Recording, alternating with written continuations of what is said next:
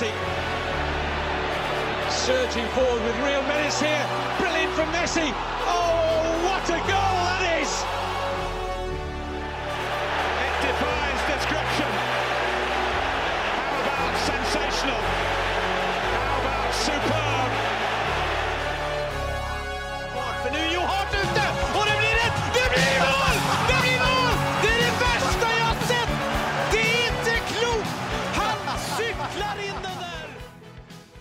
Ja da! Da er vi eh, klare for episode 195 av den eh, hva, skal vi, hva skal vi si, Mats? Jordomseilende. Jordomseilende. Der har dere fotballpodkasten 90 minutter. Eh, Mats eh, hørte dere nettopp. Eh, Søren er med oss også. Ja, hallo, hallo. Og eh, det er blitt sol og sommer ute. Ja, det er deilig. Ja, nei, det er ikke feil. Det var ikke et kvarter for tidlig, faktisk. Nei, det, det, det her var deilig, altså. Dette her var deilig. Nå, nå er boblejakka av. Mm. Trenger det neste uke, vet du. Nei. Eh, alt bra? Ja, ikke noe å klage på. Nei. Eh, Nå er det snart ny seriematch og ny serierunde, så det er bare å glede seg til helga. Den trenger dere. Seier og Gjelleråsen, ja. Ja. Ja, vi er klar over det. Eh, hva med deg, Dupkern? Alt bra? Ja, ja, det er fint, jeg. Ja. Som du sier, sol og, sol og lyst og alt det der. Og det er jo en grunn til å bli glad. Ja. Ja. Eh, jeg skal på jobb etterpå, jeg. Hasteinnkalt på nattejobb. Så vi får bare egentlig sette i gang. Men er det Må du, eller? Eller kunne du takka nei? Jeg er jo leder. Så, Så du spurte deg sjøl? Ja. Det, jeg har en leder over meg som spør meg òg. Ok. Men eh, når, når, når den på en måte Den kommer sånn med at eh, den ene kan ikke, den andre kan ikke Det må alltid være noen der. Så da, da må jeg ta ansvaret, da. 50% da. 50% Regn med det, i hvert fall. Jeg har ikke, jeg har ikke giddet å spørre. Jeg, jeg har bare skjønt at det er ansvaret mitt. Så, så, sånn blir det. Um, Vebjørn Fredheim han har en liten artig greie her. Thomas, eh, du har starta en trend. Hele kompisgjengen min sier 80-20 hver gang man er sikker på noe, men vil ha et lite sikkerhetsnett. Sånn sett er du blitt en vaskekte influenser. Gratulerer med tittelen! Ja, Er det en bra ting å være influenser? Nei, jeg veit ikke. Uh, vil jo heller, altså, jeg, jeg forbinder jo influenser med heller noe negativt. Ja. Men, uh, jeg, jeg har vel også men det, det, det ja. Har du begynt å trende? Ja, men jeg, jeg, har- jeg har jo også fortalt i denne podkasten om mitt anstrengte forhold til influensere, så, det, så det, jeg, jeg tror jo det er med en ironisk undertone han skriver dette det her. tror jeg også. Eh, å bli kalt en influenser, den er tung. Den er blytung. det, det er noe av det verste du kunne kalt meg. Så eh, nei, jeg, bort med det, Vebjørn. Eh, Bjørn Erik Skorge spør om Søren har landa etter eh, LSK-godset i går. Ja, nå i løpet av dagen har jeg landa. nå føler jeg egentlig at jeg er mest sliten, for den Det tok jo ganske kraftig på, det skal jo sies. Det var utrolig gøy å være der. Eh, det var utrolig gøy hvordan den kampen eh, snudde, og det var jo en, eh, det var jo en rollercoaster, det der. Eh, og det å vinne fem minutter på overtid, eh, det, det, det, det er få ting som er deiligere enn å vinne fem minutter på overtid, altså. Eh, og det blir jo det blir jo god stemning og fint. og ja, Men i løpet av dagen så har jeg landa, og det, jeg, jeg, nå kjenner jeg at jeg, jeg er litt sliten, altså. Jeg så et intervju med deg på YouTube Ja. der. Ja. For, for alle som har lyst til å se det, søk Søren Døpker eh, Kanarikaffen på, på YouTube, så finner du Kanarikafeen. Kaffen? Kaffen? Kaffen. Kanarikaffe. Nei, Jeg kan, kan ikke sånt! Jeg ville sannsynligvis fått det opp da òg. Ja, kanari med to f-er. ja. Eh, der ser du ganske høyt oppe ut. Ja, det er jo rett etter kampslutt. Jeg kom jo rett ut fra, fra feiring etter seieren. Uh, og da er det klart, da, har jo, da hadde jo adrenalinnivået og alt det der i kroppen ikke roet seg. Uh, så ja, nei, da er da er jeg høyt, høyt oppe. Det stemmer, det. Sju og et halvt minutt eh, etter at Acor Acre Adam satt inn 4-3. Det er klart man er litt høyt oppe da. Jørgen Knutsen han, han vil også innom eh, denne kampen. Eh, Menert feiret med munnbind. Adams tok av seg trøya, begge fikk gult på Åråsen. Eh, Med andre ord er dette likestilt med farefullt spill, på tide med revisjon av reglementet. Jeg, jeg syns jo egentlig det. Eh, jeg syns han er inne på noe der. Uh, særlig den der munnbindfeiringen skjønner jo ingenting av at det ble gullkort. Jeg syns egentlig bare den var morsom, for all del. Eh, og så er det jo klart, altså det å dra seg trøye, det har vært uh, gullkort i alle år, men jeg er jo egentlig helt enig i at uh, Ja, de veit hva de gjør. Ja, men jeg er jo egentlig enig i at det er jo, det er jo ganske tullete at du får samme straff for en litt overdreven målfeiring som ved å uh, jeg vet ikke, sparke ganske hardt inn i en motspiller. Uh, og jeg syns jo absolutt at man kanskje skal, kan være litt snillere der. Jeg syns jo egentlig bare det er positivt om, uh, om folk har litt kreative målfeiringer. Ja. Sp spontan glede, Mats. Det er spontan glede. Du får gult kort for å gjøre noe i, i eufori. Mm. Men jeg syns det er helt greit at de tar alt over én kam. Hvis ikke så går det opp på skjønn igjen. Og da skjønner vi ingenting. Hvis noen tar av seg trøya, ikke får gult. Andre tar av seg trøya, får gult. Noen tar på seg et. Minnbunn? Minnbund? Munnbind. Minnbund, ja. tar på seg et bind eh, og får gult. Og så noen tar på seg og får ikke. Altså, det kommer til å bli diskusjoner ja da. tror, tror du noen har prøvd å ta, ta av seg en sokk?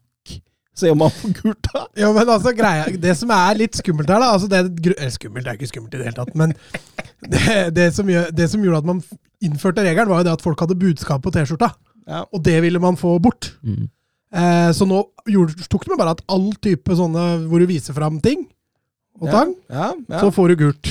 ja. Og det tenker jeg er jo ok, for da veit jo alle hva det går i. Jo, så, så klart så lenge det er enhetlig, men altså, jeg har jo sett feiringen med uh, Aubameyang og Royce, som uh, riktignok en god stund siden feiret et mål for Dortmund ved å ta på seg Batman og Robin-maska, og de gikk uten gult kort. Uh, jeg føler fortsatt, altså, jeg, jeg, jeg er enig angående, trikk, angående drakt, da, for da vet alle at det er gult kort, men jeg føler at grensen ellers for hva som er gult kort og ikke gult kort på feiring, den er litt uh, ja, den, den er ikke helt tydelig, da. Og som sagt, egentlig kan man gjerne oppheve gule kort for feiring uansett. Apropos eh, feiring i publikum, husker dere han Newcastle-supporteren?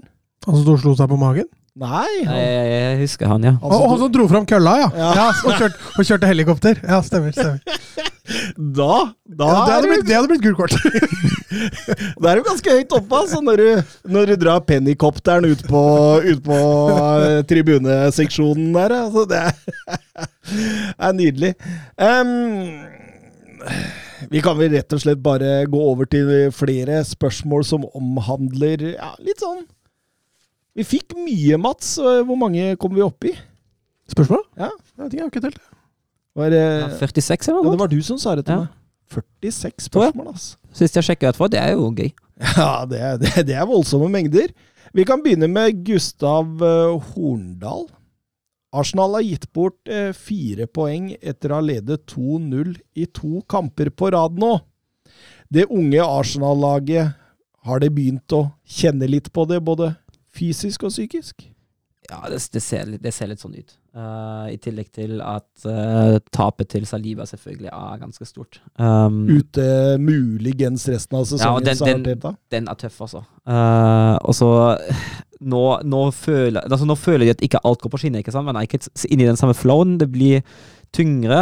og så er jo det ene å avgi to poeng mot et eller, miste to poeng mot et Liverpool-lag som faktisk så ganske bra ut i andre omgang, men mot et mot Westham det, det, blir noe annet igjen, da. eh, føler jeg. Og ja, det, det virker rett og slett som om man har, man har fått anledning til å tenke litt. Uh, at flowen er litt borte, og man lykkes ikke lenger med alt man foretar seg, egentlig. Og at det går innover både psykisk og fysisk. Ja, selvfølgelig. Men har ikke jeg sagt det her hele tiden, uh, Granvold? At Arsenal kommer til å sprekke? Ja. Nei, altså, den, altså vi har, eller Du har sagt hele tida at bredden har ikke vært stor nok. Og én spiller ut, så er man plutselig litt mer shaky. Og det er klart, Saliba er ikke en hvilken som helst spiller, så man skjønner jo at eh, det er ikke bare bare å erstatte han. Men, men det er et dårlig tegn. Nå har de Altså, Liverpool er jo gode, så at de klarer å snuble der, det er kanskje ikke så overraskende, men eh, nå sist Altså, de dominerer jo Westham i eh, 20 minutter, Uh, og burde ja, Kommentatoren sier det jo, er kampen over allerede? Og så faller man fullstendig sammen. Og det, det er ikke kun med Saliba å gjøre, det. altså. Nei. Nei, altså Ikke bare nei, men, men, men jeg tror det er en Altså det er, det er tre grunner til at jeg alltid har tenkt at det, dette her faller sammen til slutt. Eh, Det ene er jo det med at eh, de er veldig utsatt for skader på nøkkelspillere. Altså, du så det også nå. Party var skada. Altså, det, det, det, det synker, kvaliteten synker noe når de der absolutt eh, signalspillere forsvinner. Eh, nummer to, det er jo at de har hatt bra flyt gjennom sesongen. Altså, primært fordi de har vært jævlig gode, men, men, men flyten er der, og den vil utlignes. En eller annen gang så vil den utlignes. Og nummer tre, det er det med rutinen i laget. Man har ikke den lederen som har vært med på dette gullracet før. Eh, Den rutinerte bak som ikke lar seg stresse. Det er en gjeng med ungkalver. Og det er klart det at City tar dette. Jeg har ikke vært i tvil noen gang. Jeg Jeg har til og med vært oppe i 90-10, Mats. Ja da, du har det. Du har vært nede i 75-25 år, så da, da, du har, ving- du litt. ja, men det er noen ganger man ser jævlig bra ut. og da, da lurer man jo. Eh, men nei, de ser litt slitne ut nå. De klarer ikke å holde intensiteten over 90 minutter. Eh, også fordi den type fotball den koster. Han koster. Det, det, det er ekstremt eh, et ekstremt kjør. Så, så Nei, det ligger an til City, ingen tvil om det. Um, neste spørsmål går litt over i dette igjen. da. Se kampprogrammet og form an. Sett opp en topp fire i Premier League. Ja, Dere veit jo hva jeg mener om de to første, så da kan Ja, jo ja, dere ja. prate. Nei, nei, vi har jo vært enige med deg. ja, at vi har City er favoritter. Vi har bare ikke vært så på ballen med at 80-10, holdt jeg på å si. 80-20.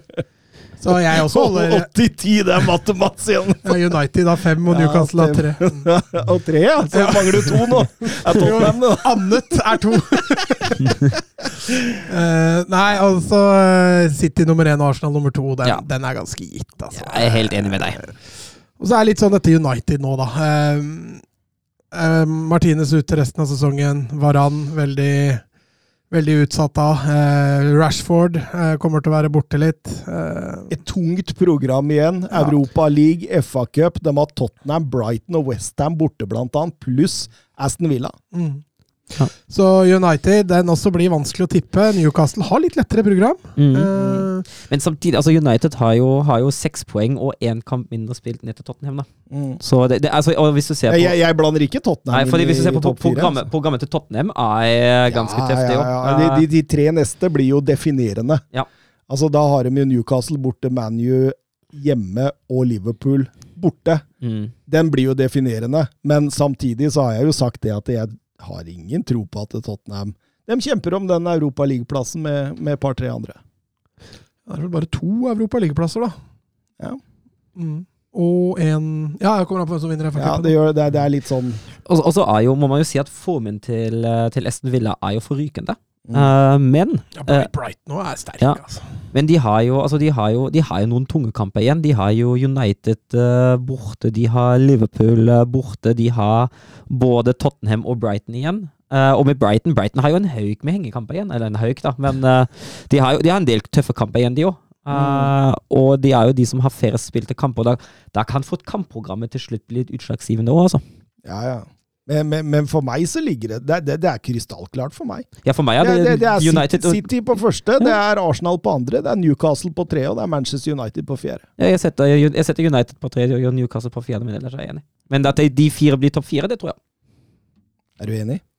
Ja, nei, jeg setter City på fjerde.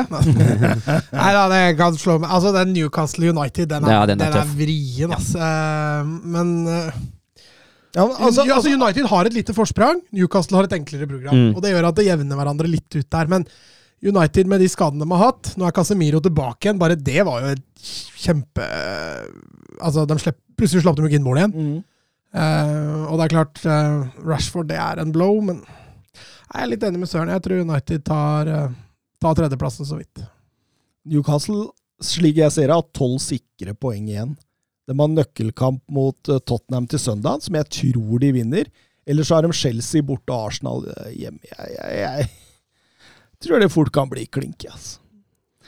Um, Torjus Hansen uh, har endelig Liverpool våknet. Begynner å se litt ut som seg selv igjen, og Jeg tror minst vi må ha to hender hvis, hver, hvis vi skal telle hver gang vi har fått det spørsmålet denne sesongen.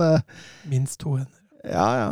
Altså, etter, etter 9-0 mot Bournemouth og en sterk seier mot Newcastle tidlig i sesongen der, så husker jeg man gikk inn i en dårlig periode også. 7-0 mot United var en frisk Ja, ja. Og da, ja, da har man fem på rad uten seier etter det. Og jeg husker også den 7-1-seieren mot Rangers, hvor de også slo Napoli i, i, i samme periode der. Da, da tok det ikke lang tid før de tapte mot Nottingham Forest og Leeds igjen. Så det er, eh, dette svinger jo. Det gjør det. Jeg, nei, altså friskmelde Liverpool denne sesongen, det tror jeg ikke vi skal ta sjansen på å gjøre. Eh, De har vært altfor ustabile til å, til å gjøre det. Men jeg er enig i at Liverpool har i et par av de siste kampene sett ut som Liverpool igjen. Andre gangen mot Arsenal. Eh, Leeds Leeds-matchen nå, i hvert fall i perioder, så er de jo ekstremt gode i, høy, i den høye gjenvinninga. Flinke til å, å vende spill med, hurtig, med høyt balltempo. Så det så litt, eh, så litt bedre ut. Så veit du hvor skjørt dette er, da. Når de har hatt den sesongen de har hatt. Altså, Én dårlig opplevelse, så kan det fort bli noe tap igjen. Mm. Men la oss si de vinner åtte på rad nå. Da har jo de faktisk sjans på, på uh, Champions League. Ja, det har de. Men uh, at de vinner åtte på rad, det, det, det, det ser jeg ikke helt ennå, altså.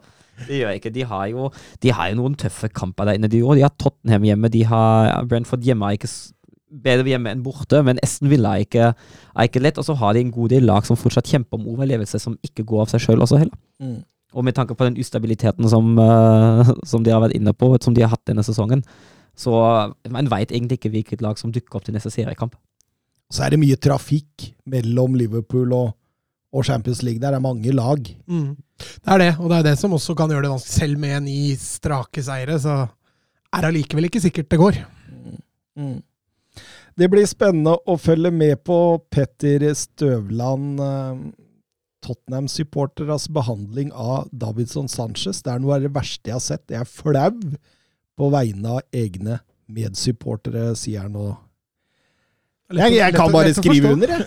Jeg kan bare skrive under. Jeg syns det var helt jævlig å se på, liksom. Og det er som jeg sa til dere før eh, sending her, Tottenham-fansen er giftige, altså. De er, de er eh, noen svin når det kommer til sånne ting. Kort vei mellom passionate og crazy, så eh, Det er klart, man har jo sikkert som baktanke om at man bare vil vinne fotballkamper og, og ha de beste på banen, samtidig med det, behandlingen av eh, Ja, altså, Han Altså- kommer jo inn av en skade. Ja. Lenglet blir skada. mm. Tottenham har full kontroll. Så snur Bournemouth. Han er involvert i begge skåringene. Og så blir han tatt av, fordi da skal de satse offensivt igjen. Og, og den jubelen Ja, det, som kommer når han blir tatt av, Mm. den, det, det, er, det er på nivå med scoring. Mm. ja, det, det er ikke greit. Altså, det, det, ene, altså, det er ikke noe problem å være kritisk til prestasjoner til egne spillere òg, men det da grenser faktisk til mobbing, og det er faktisk ikke greit. Nei, eh, tydelig prega der, satt med tårer i øya. det var ikke, noe, stakker, altså. var ikke noe hyggelig å se på i det hele tatt, selv om jeg må jo være enig i å si at uh, han har vært svak de siste Ja, og, og det, det er det jo helt lov å mene. Det er jo helt lov å mene at uh, egne spillere pre eh, presterer dårlig. Uh, og det er også helt lov å mene at det er riktig å ta dem ut, eller man ønsker at de skal bli bytta ut. Det, det tenker jeg er helt innafor. Mm. men det handler om måten man, man ytrer det på, da. Ja, ja. Da tenker jeg altså, Du, du veit ikke ditt eget lags beste heller. Mm. Når du liksom Begynner å pipe når han er Ja. ute på banen. Ja. ah, altså, Snakk om å bare trøkke egne Ja. ned i Ja, det, det, det er nesten altså, at, at noen skal bli buet på pga. prestasjon. Altså, det, det går ikke. Det er, det er ikke sånn at han gjør det frivillig. En spiller presterer det ikke frivillig dårlig. Det heter support fordi du skal støtte, eh, ikke tråkke ned. Så det, det, det sier seg sjøl.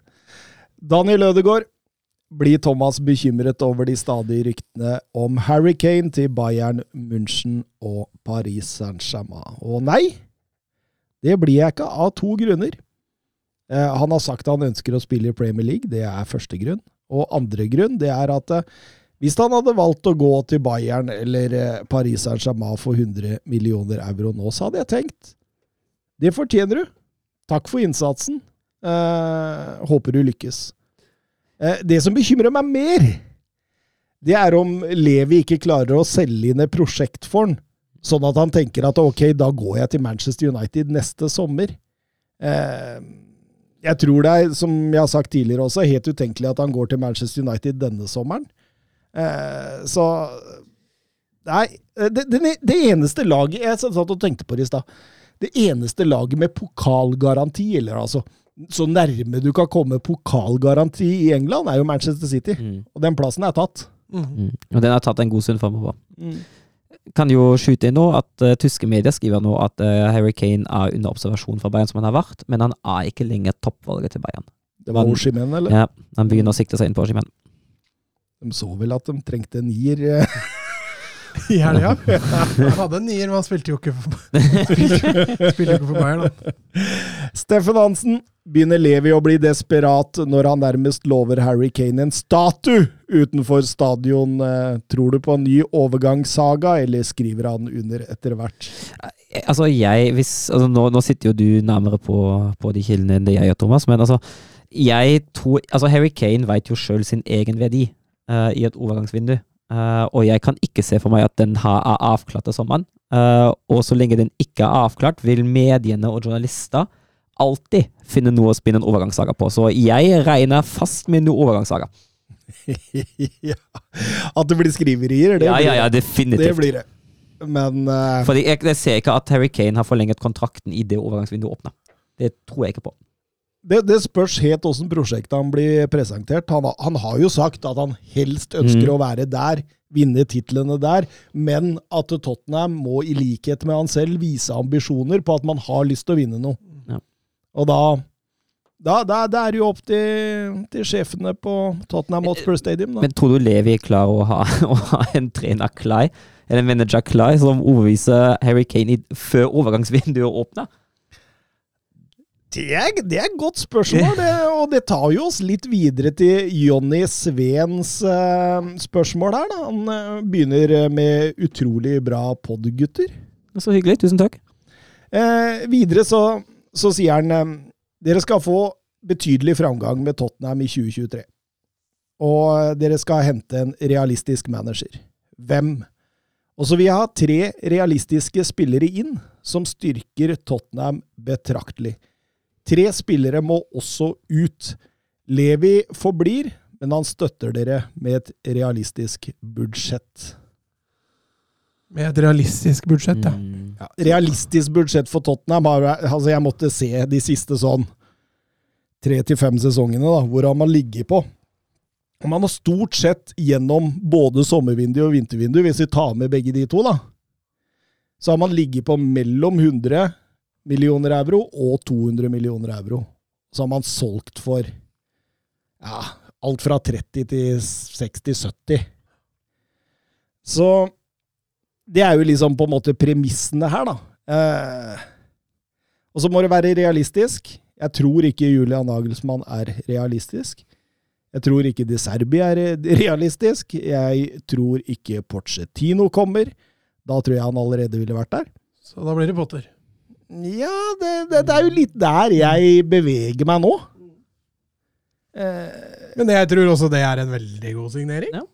Eh, Det blir ikke Premier League-gull i 24, men eh, man kan i hvert fall ta et steg på vei mot en ny god periode, da, sånn som man hadde på det beste under Pochettino. Eh, Spilleoverganger. Først må vi jo definere hvilke roller de trenger. da. Ja, Mike Manja, han første jeg tenker på deg, faktisk. Keeper. Og Mike Manja er en av de beste man kan få. Og han bør være godt innenfor budsjettets muligheter.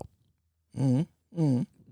Så det er han eh, aller første jeg tenker. Og det, den, den rollen tenker jeg er såpass, eh, såpass viktig for Tottenham å få landa en virkelig, virkelig god spiller. At eh, det er Men, men, men, men Joris har jo ett år igjen. Ja, men Du, han, du tenker det brenner så mye der? jeg tenker det. Men er ikke andre, du har tre, vi skal hente tre. Mm. Altså en ti, eller en kreativ, Ja. en venstre wingback og en stopper, kanskje, men kanskje en kantspiller. Nei, jeg tenker keeper er litt lenger bak i køen. Jeg er uenig i det. Jeg syns Loris har kosta så mange poeng til Tottenham denne sesongen her, at da må det inn noe nytt.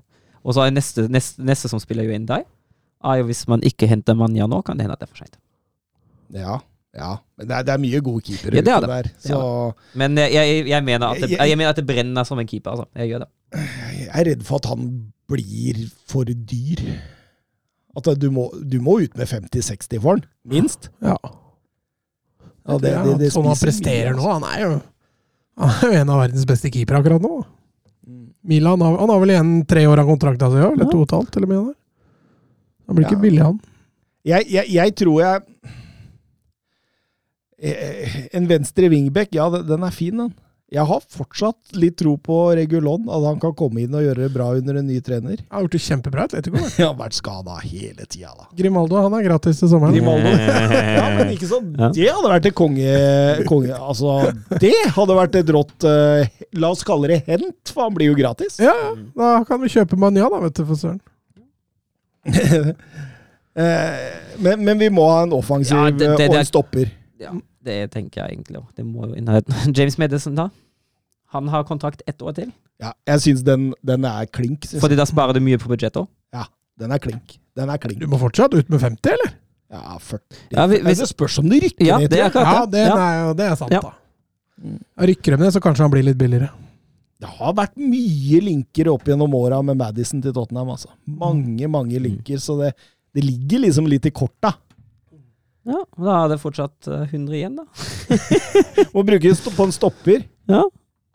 Eh, kjøpe inn Kim, ut Kim In-ja, da. Han har en eh, klausul i sommer på, på 50. Ja, ellers er det jo, hvis man, hvis man har råd til det, det er jo spørs, da. Og det er jo mye konkurranse. Ellers er det jo en i Leipzig som eh, Ja, det, er, Det- det tror jeg- det tror jeg tror jeg, det tror jeg er for urealistisk Ja, Så kommer litt Ja. an på om skal spille med tre eller to stopper òg. Ja. For Bastone jo er en interessant Mm. eh, overgang for Tottenham. ja, Skrina kan du få gratis òg. Han er jo ikke dårlig, han heller. Ja. Så veit du jo det. Jeg har vært interessert i Piero Hinkopi, som også kan være en god sånn, på en måte, for han kan både spille venstre, bekk, og stopper i en treer. Så det, du, du hadde på en måte helgardert den. Ellers er det jo uh, Timber i Ajax også, som også er en stopper som kunne gjort det bra i Premier League, tror jeg. Han må bli litt mer, litt mer stabilt defensivt. Men det, dette blir lettere å svare på når man, har- man har landa treneren. Nå er det så mye navn som figurerer at du kan le deg i hjel. Nå ble til og med Will Still Ja. linka til eh, Tottenham, og han har jo ikke kurs, kursingen Det var romantisk, da. Mm. Det hadde vært kult. Men var ikke det en sånn italiensk eh, avis eller TV-program som kom med det? Ja, det, Men det, eh, altså, jeg har opplevd det sjøl med, med, med rykter fra, fra Italia, at det, det, ofte er det litt sånn oppspinn også. Særlig når, særlig når man ikke har noen kilde eller ikke sitter nær på klubben. Og, ja. Eh, I tillegg så håper jeg, eh, som eh, Tottenham-supporter, at de henter Manuel Ugarte fra Sporting. De linkene florerer for tida, og det, det blir world class sentralt etter hvert. Men, men hvem tre er det du lander på du nå, da? Eh, Madison, Ugarte og jeg, jeg henter Grimaldo gratis. og så tar jeg Kim In-ja, og så tar jeg Ugarte og Madison. ja, Nå er du på fire. Ja. Ja, men jeg, jeg fikk han gratis. Å ja! Ja. Oh, ja! Men da ta Messi òg, da. Bernt Olav Gjellegjerde Hansen spør er Frimpong en god løsning for Manchester United på høyrebekk. Hvor mye anslår dere at summen vil ligge på? Eh, Leverkosen, etter ryktene, skal Leverkosen være villig til å selge for 40 millioner euro. Eh, og det er jo en, det er en stolt sum, men han er, det, han er jo ikke på noe utgående kontrakt, og han har jo prestert voldsomt bra. Eh, jeg syns jo han vil være det om han tar litt hensyn til, eh, til hvordan han spiller, da. Eh, Leverkosen spiller jo når de bygger opp med ham, så er det jo ofte en nesten skeiv formasjon. For han går jo nesten opp i høyrekanten, for han er jo så offensiv. Og det er mye fart der. Det er ekstremt mange offensive kvaliteter. og han fungerer jo både som en uh, vingbekk og som en sidebekk, syns jeg. Uh, men ha, det er klart, han har jo svakheter defensivt. Uh, som oftest gjør han opp for dem. Litt sånn, med, litt sånn det samme som Alfonso Davis. Jeg syns han ofte gjør opp for de defensive svakhetene ved å, ved å nettopp bruke den der eh, høye farten han har. Den grunnhastigheten og at han tar seg litt igjen der. Uh, men det er en viss fare for at uh, det blir litt åpent rom der bak ham. Uh, det er jo noe man, eh, man er forberedt på når man henter ham. Regner jo med at uh, Ten Har kjenner ham veldig, veldig godt. Uh, så ja, jeg kan absolutt se for meg at han forsterker det United-laget voldsomt, men uh, man må ta litt hensyn til, eh, til hvordan han spiller, og altså lære ham litt mer opp defensivt. Men at det hadde vært en veldig veldig god overgang for United, ja, det mener jeg. Mm. Benjamin, bør Manchester United gå for Watkins hvis de ikke får Oshimen, Kane osv.? Jeg, jeg, jeg vil bli overraska hvis den går for Watkins, Mats. Det er jo ikke noe Ten Hag-angriper i det hele tatt. Nei, og så er det jo ikke et så veldig stort navn heller. Eh, klart, De skal jo ikke bare se etter navn, det har de vel vist at de ikke klarer uansett. Men eh, Eh, nei, altså det, er, det går for treigt eh, offensivt. Eh, for så vidt eh, Skal vi kalle det aggressiv i presset, men det stopper liksom litt der, da. Det er jo ikke noe sånn som kommer til å skåre 25 mål heller, tror jeg. Eh, Veldig mye bare bakrom, bakrom, Mm. bakrom. Altså, det, det, altså Ten Hag vil jo alltid ha en en som holder i Ja. ball, som, som står oppe som en slags target. Uh, Matt Target. Matt Target, ja. Ivan Tony, da ville jeg heller tenkt Ja, ok, Mm. men den, den høres mer fornuftig ut. Mm. Så, så jeg, jeg stusser litt på den, altså. Eh, Benjamin lurer også på Alex Moreno. Signering litt under radaren. Har jo vært voldsomt god etter at han kom til Villa, Mats. Ja, han var bra før han dro til Villa, han, så eh, Men at han skulle få det til så bra, er litt overraska sjæl, egentlig. Eh, men eh, samtidig, han har jo vist et høyt toppnivå før han dro til Villa. Men at du skal gå inn i Premier League fra La Liga og dominere, da. Jeg er litt overraska, jeg må innrømme det. Emery kan sin uh... Kan sin La Liga. Ja, han Ja. kan det. Kan det. Eh, Bjørn Erik Skorge, han uh, Han uh, spør eh, Ja, han har noe Barcelona-greier til deg her, Mats. Uh, eh, han spør Barcelona uten scoring eh, i tredje kampen på rad. Har egentlig Xavi noe offensivt spill? Mange 1-0-seiere også, mens eh, Eivind Stølen han eh, komplementerer dette med sovna Mats under Getafe mot Mm. Barcelona. Uh, hadde han begynt en time seinere, så hadde jeg nok gjort det, faktisk. Det var, ikke, det var, det var som å se maling tørke, det. Altså, det mangler så mye balltempo offensivt, da. Eh, og det virker som gutta er litt sånn Hvor skal vi løpe, hvor skal vi gå, hvor skal vi ha gjennombrudd? Og dette er jo noe Shawi også må ta sin del av skylda på. Det går på dårlige forberedelser inn mot hva slags lag du møter. Det går på at du vil ha mer trygghet bakover enn du skal ta risiko. Og det er litt sånn mot Barcas filosofi, da. Så ja, det er fryktelig kjedelig å se på. Eh, vi snakka jo sammen i bilen på vei hjem fra trening om den matchen her, og det Skal være glad man har et så stort forsprang. Eh, for dette her, eh, dette er eh, er ikke alarmerende, for vi slipper jo ikke inn mål. Så, så sånn sett så er vi jo sikra et poeng nesten hver kamp. Men det er ikke Det er ikke tikki taka, nei. På ingen måte. Har ikke skåra mål på tre matcher. Man må tilbake til Frank Rijkaard sin tid sist det skjedde. To 0-0-kamper på rad. Det er første gang siden 2005. Man har kun sluppet inn ni mål på 29 kamper denne sesongen. Det er jo helt ellevilt i La Liga. og Forrige uke så snakka vi vel om at de kanskje var inne i en spillestilskrise. Eh, Det, det i, i, I forhold til XG også, så er det sånn Det er ikke alarmerende mye de skaper i forhold til det de setter heller. En åtte, ni, ti mål ekstra skulle de hatt i løpet av sesongen. Mm. Så det Nei, det er vanskelig å si, men eh, bunnsolide defensivt, det er de jo.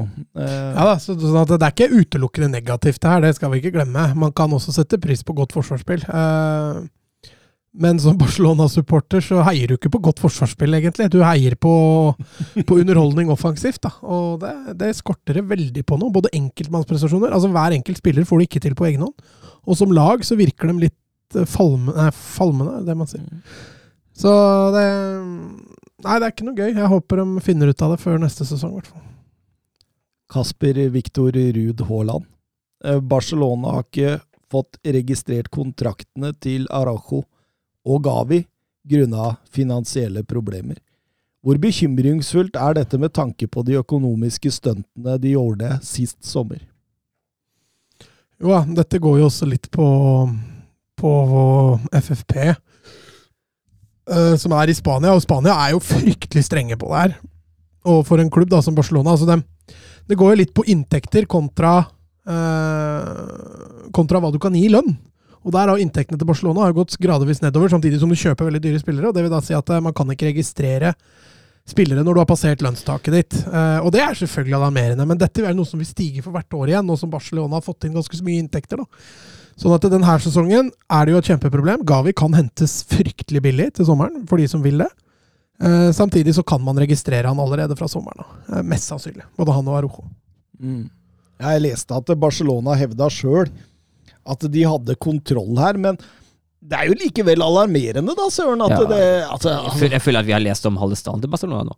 Mm. Uh, de siste et og et halvt året at uh, han kunne ikke registreres, og han kunne ikke registreres, og han kunne ikke registreres. Og, Messi måtte gå fordi han ikke kunne registrere. ja, ikke sant? Sier, Eh, sier fra seg penger i TV-avtale Ja, for mange ja, år framover for å få friske cash, for å kunne, og så og så, og så og så man gjør, man går man i den samme fella igjen, da. Ja, Ja, det, det, det er ikke sånn man, eh, man Man gjør dette her til en frisk fotballklubb. En økonomisk frisk fotballklubb for Barcelona. Akkurat nå ikke en økonomisk frisk fotballklubb, og langt unna det òg. Den beefen de med Real Madrid nå, det er jo fint. Nei, det er litt Texas nedi der nå. Så det er. Fort- Fortell litt om den. Eh, nei, det var jo bare Laporta i sin tale angående korrupsjon og sånne ting. Så slang han jo ut at Real Madrid er eh, regi eh, regimets klubb. Altså tilbake igjen til Franco-tida. Og Real Madrid svarte jo med å legge ut en video hvor de ja, blir hevda da å manipulere historien. At Franco var mer godhjerta mot katalanere og og eh, ja, altså realitet, realiteten her var jo det at han undertrykte katalanere. Han undertrykte jo eh, baskere. Eh, han henretta bl.a. klubbpresidenten til Barcelona på, på 30-tallet. Eh, så når da Real Madrid legger ut en sånn video på sin offisielle konto, så smalt det rimelig hardt i den det katalanske hovedstaden der. og Nei, det skal bli Jeg tror jeg skal være glad for at vi er ferdig med El Clásico for i år, for det tror jeg kunne smelt uh, heftig nå. altså. For nå er det ganske betent.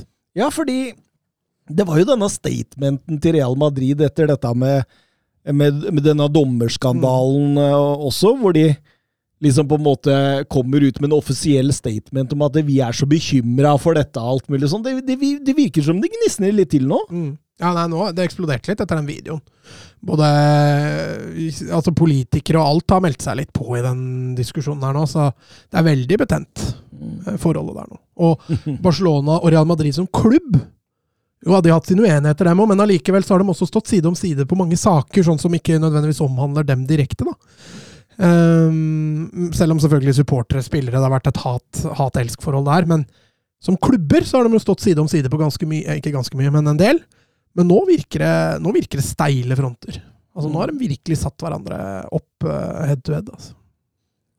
Spennende å følge med i utviklinga i det. det jeg, jeg, jeg føler at eh, La Liga behøver en sånn skikkelig sånn hatoppgjør helt i toppen. da. Mm. Altså, Jeg, jeg, føler at El Clásicoene Det daua litt etter Ja. Mourinho og Guardiola. det, det, det, det er et stykke fra Mourinho og Guardiola og, og, og PP og gjengen, altså. Ja, nå er det jo mye snille gutter og, og veldig lite i media. og Mye brylkrem og Ja, Xavi Ancelotti. Det er ikke, det er ikke helt eh, Mogrini og Guardiola, nei. Nei. Eh, samtidig som kvaliteten også i El Clásico har dalt. Kvaliteten i El Clásico for ti år siden var høyere. mm. Var det? Eivind Stølen, bruk ett minutt på å hylle 42 år gamle Joaquin, som legger opp etter sesongen. Ja, det er jo det er jo virkelig bare å hylle det. Altså, at, han, altså, det ene er, altså, og det står i respekt av, og en keeper eh, som står til en er 42-43 eh, i profffotballen, men å være kantspiller og fortsatt spille som eh, ja, nesten 42-åring, da, det, det står det aller høyeste respekt av. Og den karrieren han har hatt, med over 600 kamper i La Liga, med tosifra antall kamper i både Champions League og Europa League, med over 50 landskamper for Spania, det, det, det er en eh, stor og sterk karriere, altså. Mm. Ja, så har han jo vært en fryktelig god fotballspiller òg. veldig god én mot én. Driblesterk. Var jo selvfølgelig rask også i sin, uh, sine glansdager. God også avslutter. Har en god del mål. Uh, er jo han er vel den spilleren som er eh, en av de spillerne som har vunnet flest kamper i La Liga, som ikke har spilt for Real Madrid eller Barcelona. Så det, det er klart det går litt på hvor lenge han har holdt på, men eh, han, det sier også litt om, om vinnermentaliteten hans. eh, og en uh, forguda person i Real Betis. Fullt fortjent at han er klubbliggende der, altså. Ja ja, for all del. For all del. Jeg må bare svare raskt på en tekstmelding, så bare prat i vei om eh, om, eh, om Joaquin, dere. Ja, vi er ferdig med hyllen. Dere er Kan, ferdig kan du med ikke hyllen, ja. ta neste ja. Neste da på lista er faktisk at vi går inn i Champions League. eh. Skal vi ta en, eh, ta en eh, Du, du skal få lov. Kan jeg gjøre det? Ja, ja. Ok.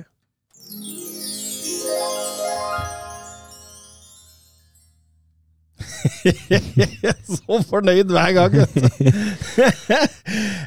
vi skal snakke Chelsea-Real Madrid. Det er der vi begynner. Eh, vi kan jo begynne med et spørsmål omhandlende dette fra Fredrik Konradsen. Helt ærlig, inngangen til Lampard i disse dobbeltoppgjørene? Greit nok. De hadde kanskje ikke store sjanser slik eh, sesongen har blitt, men det må jo være mulig å lage, legge en OK plan, i hvert fall, skriver han. Nå kan dere diskutere, skal jeg svare på SMS. Hvem er det du har fått melding av? da? Så det er viktig å få svart. Det er jobben. Å ja, det er jobben, ja.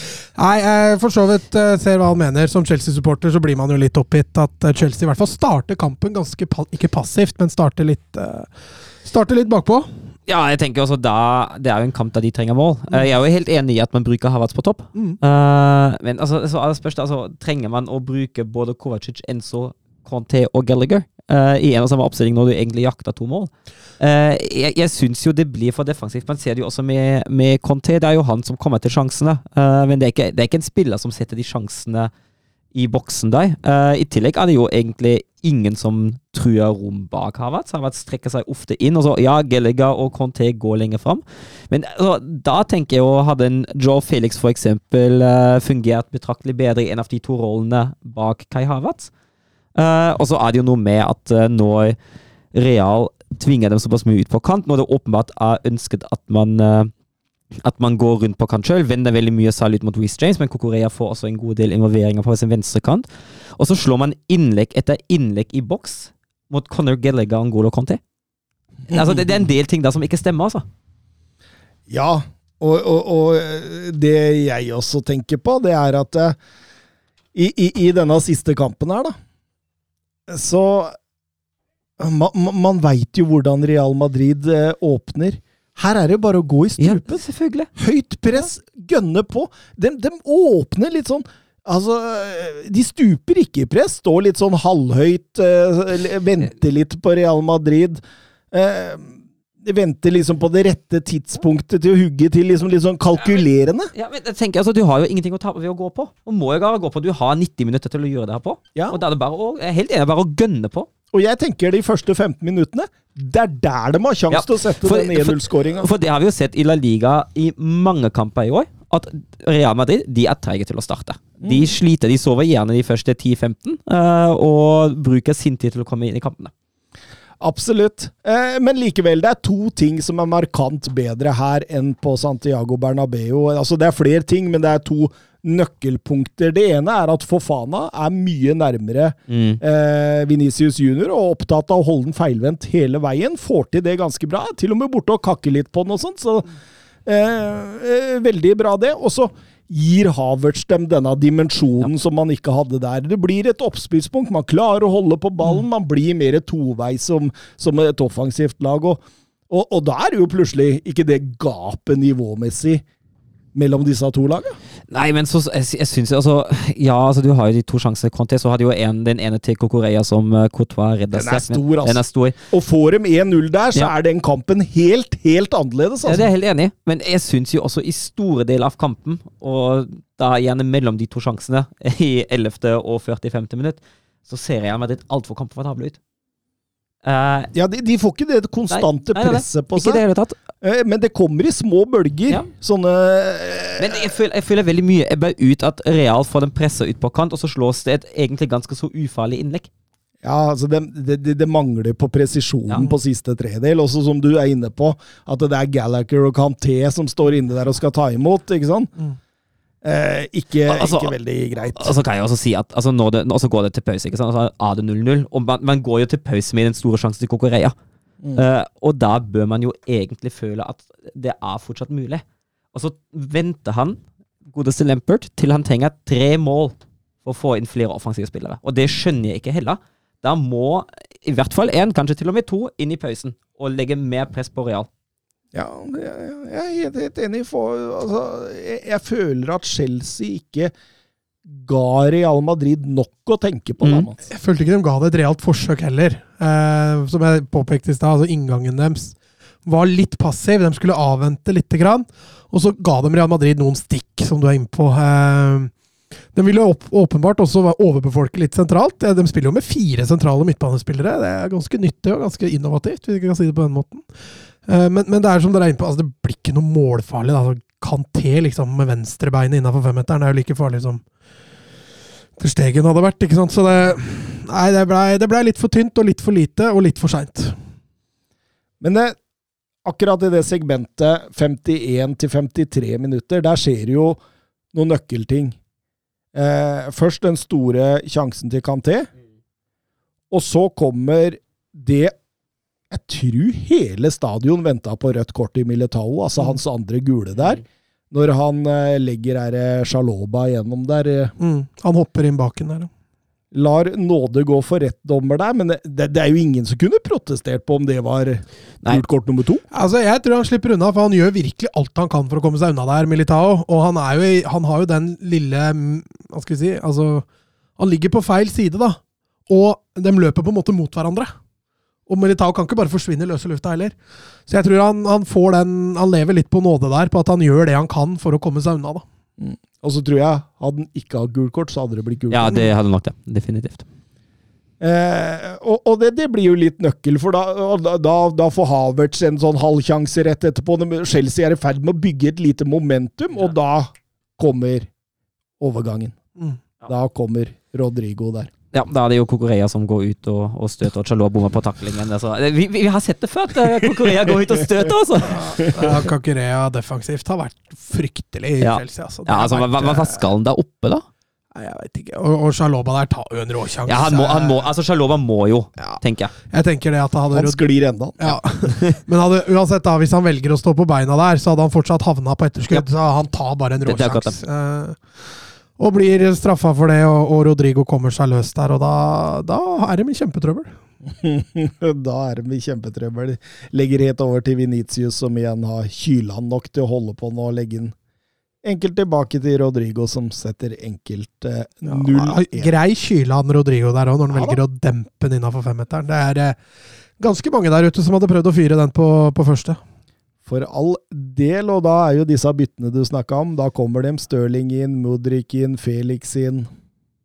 Men da, Nei, er det, det for det, seint. det er for seint, og det, det vet jo alle på banen nå at den er avgjort. Uh, man ser, altså Chelsea manglet sånn det siste presset der. Uh, det ser ut som spillerne sjøl ikke tror på det, uh, og Real ser jo superkomfortable ut. Går over i en slags skeiv 4-3-3 der, med Modric Mm. som uh, venstreback. Altså i hvert fall utgangspunktet venstreback. Ganske artig eh, løsning. Det er ganske sexy da når du kan bytte inn på Felix Mudrik Stirling Mount der. Det er, eh, det er ganske, ganske offensivt krutt. og Allikevel så har du Pulisic og, og han RF som kom fra PSV. Åh, Vi glemmer alltid hva han heter. Uh, Madueke? Ja, Madueke. Du. Ja. Og han er ikke med engang, eh, for han er vel ikke registrert for Champions League. Så altså, de har et offensivt arsenal. og Jeg skjønner godt at Chelsea-supportere er skuffa over måten Lampard bruker mannskapet i den kampen. her. Altså. Mm. Skjønner det. Da var det egentlig ferdig. Eh, Chelsea ja, de, de, altså, de prøver jo, de tømmer jo seg fullstendig, og det blir jo enorme rom. og Rodrigo setter 0-2, og Jakob Hoff spør hva skjer egentlig med Rodrigo i Champions League? Messi i Champions League, John Joe Shelby i La Liga.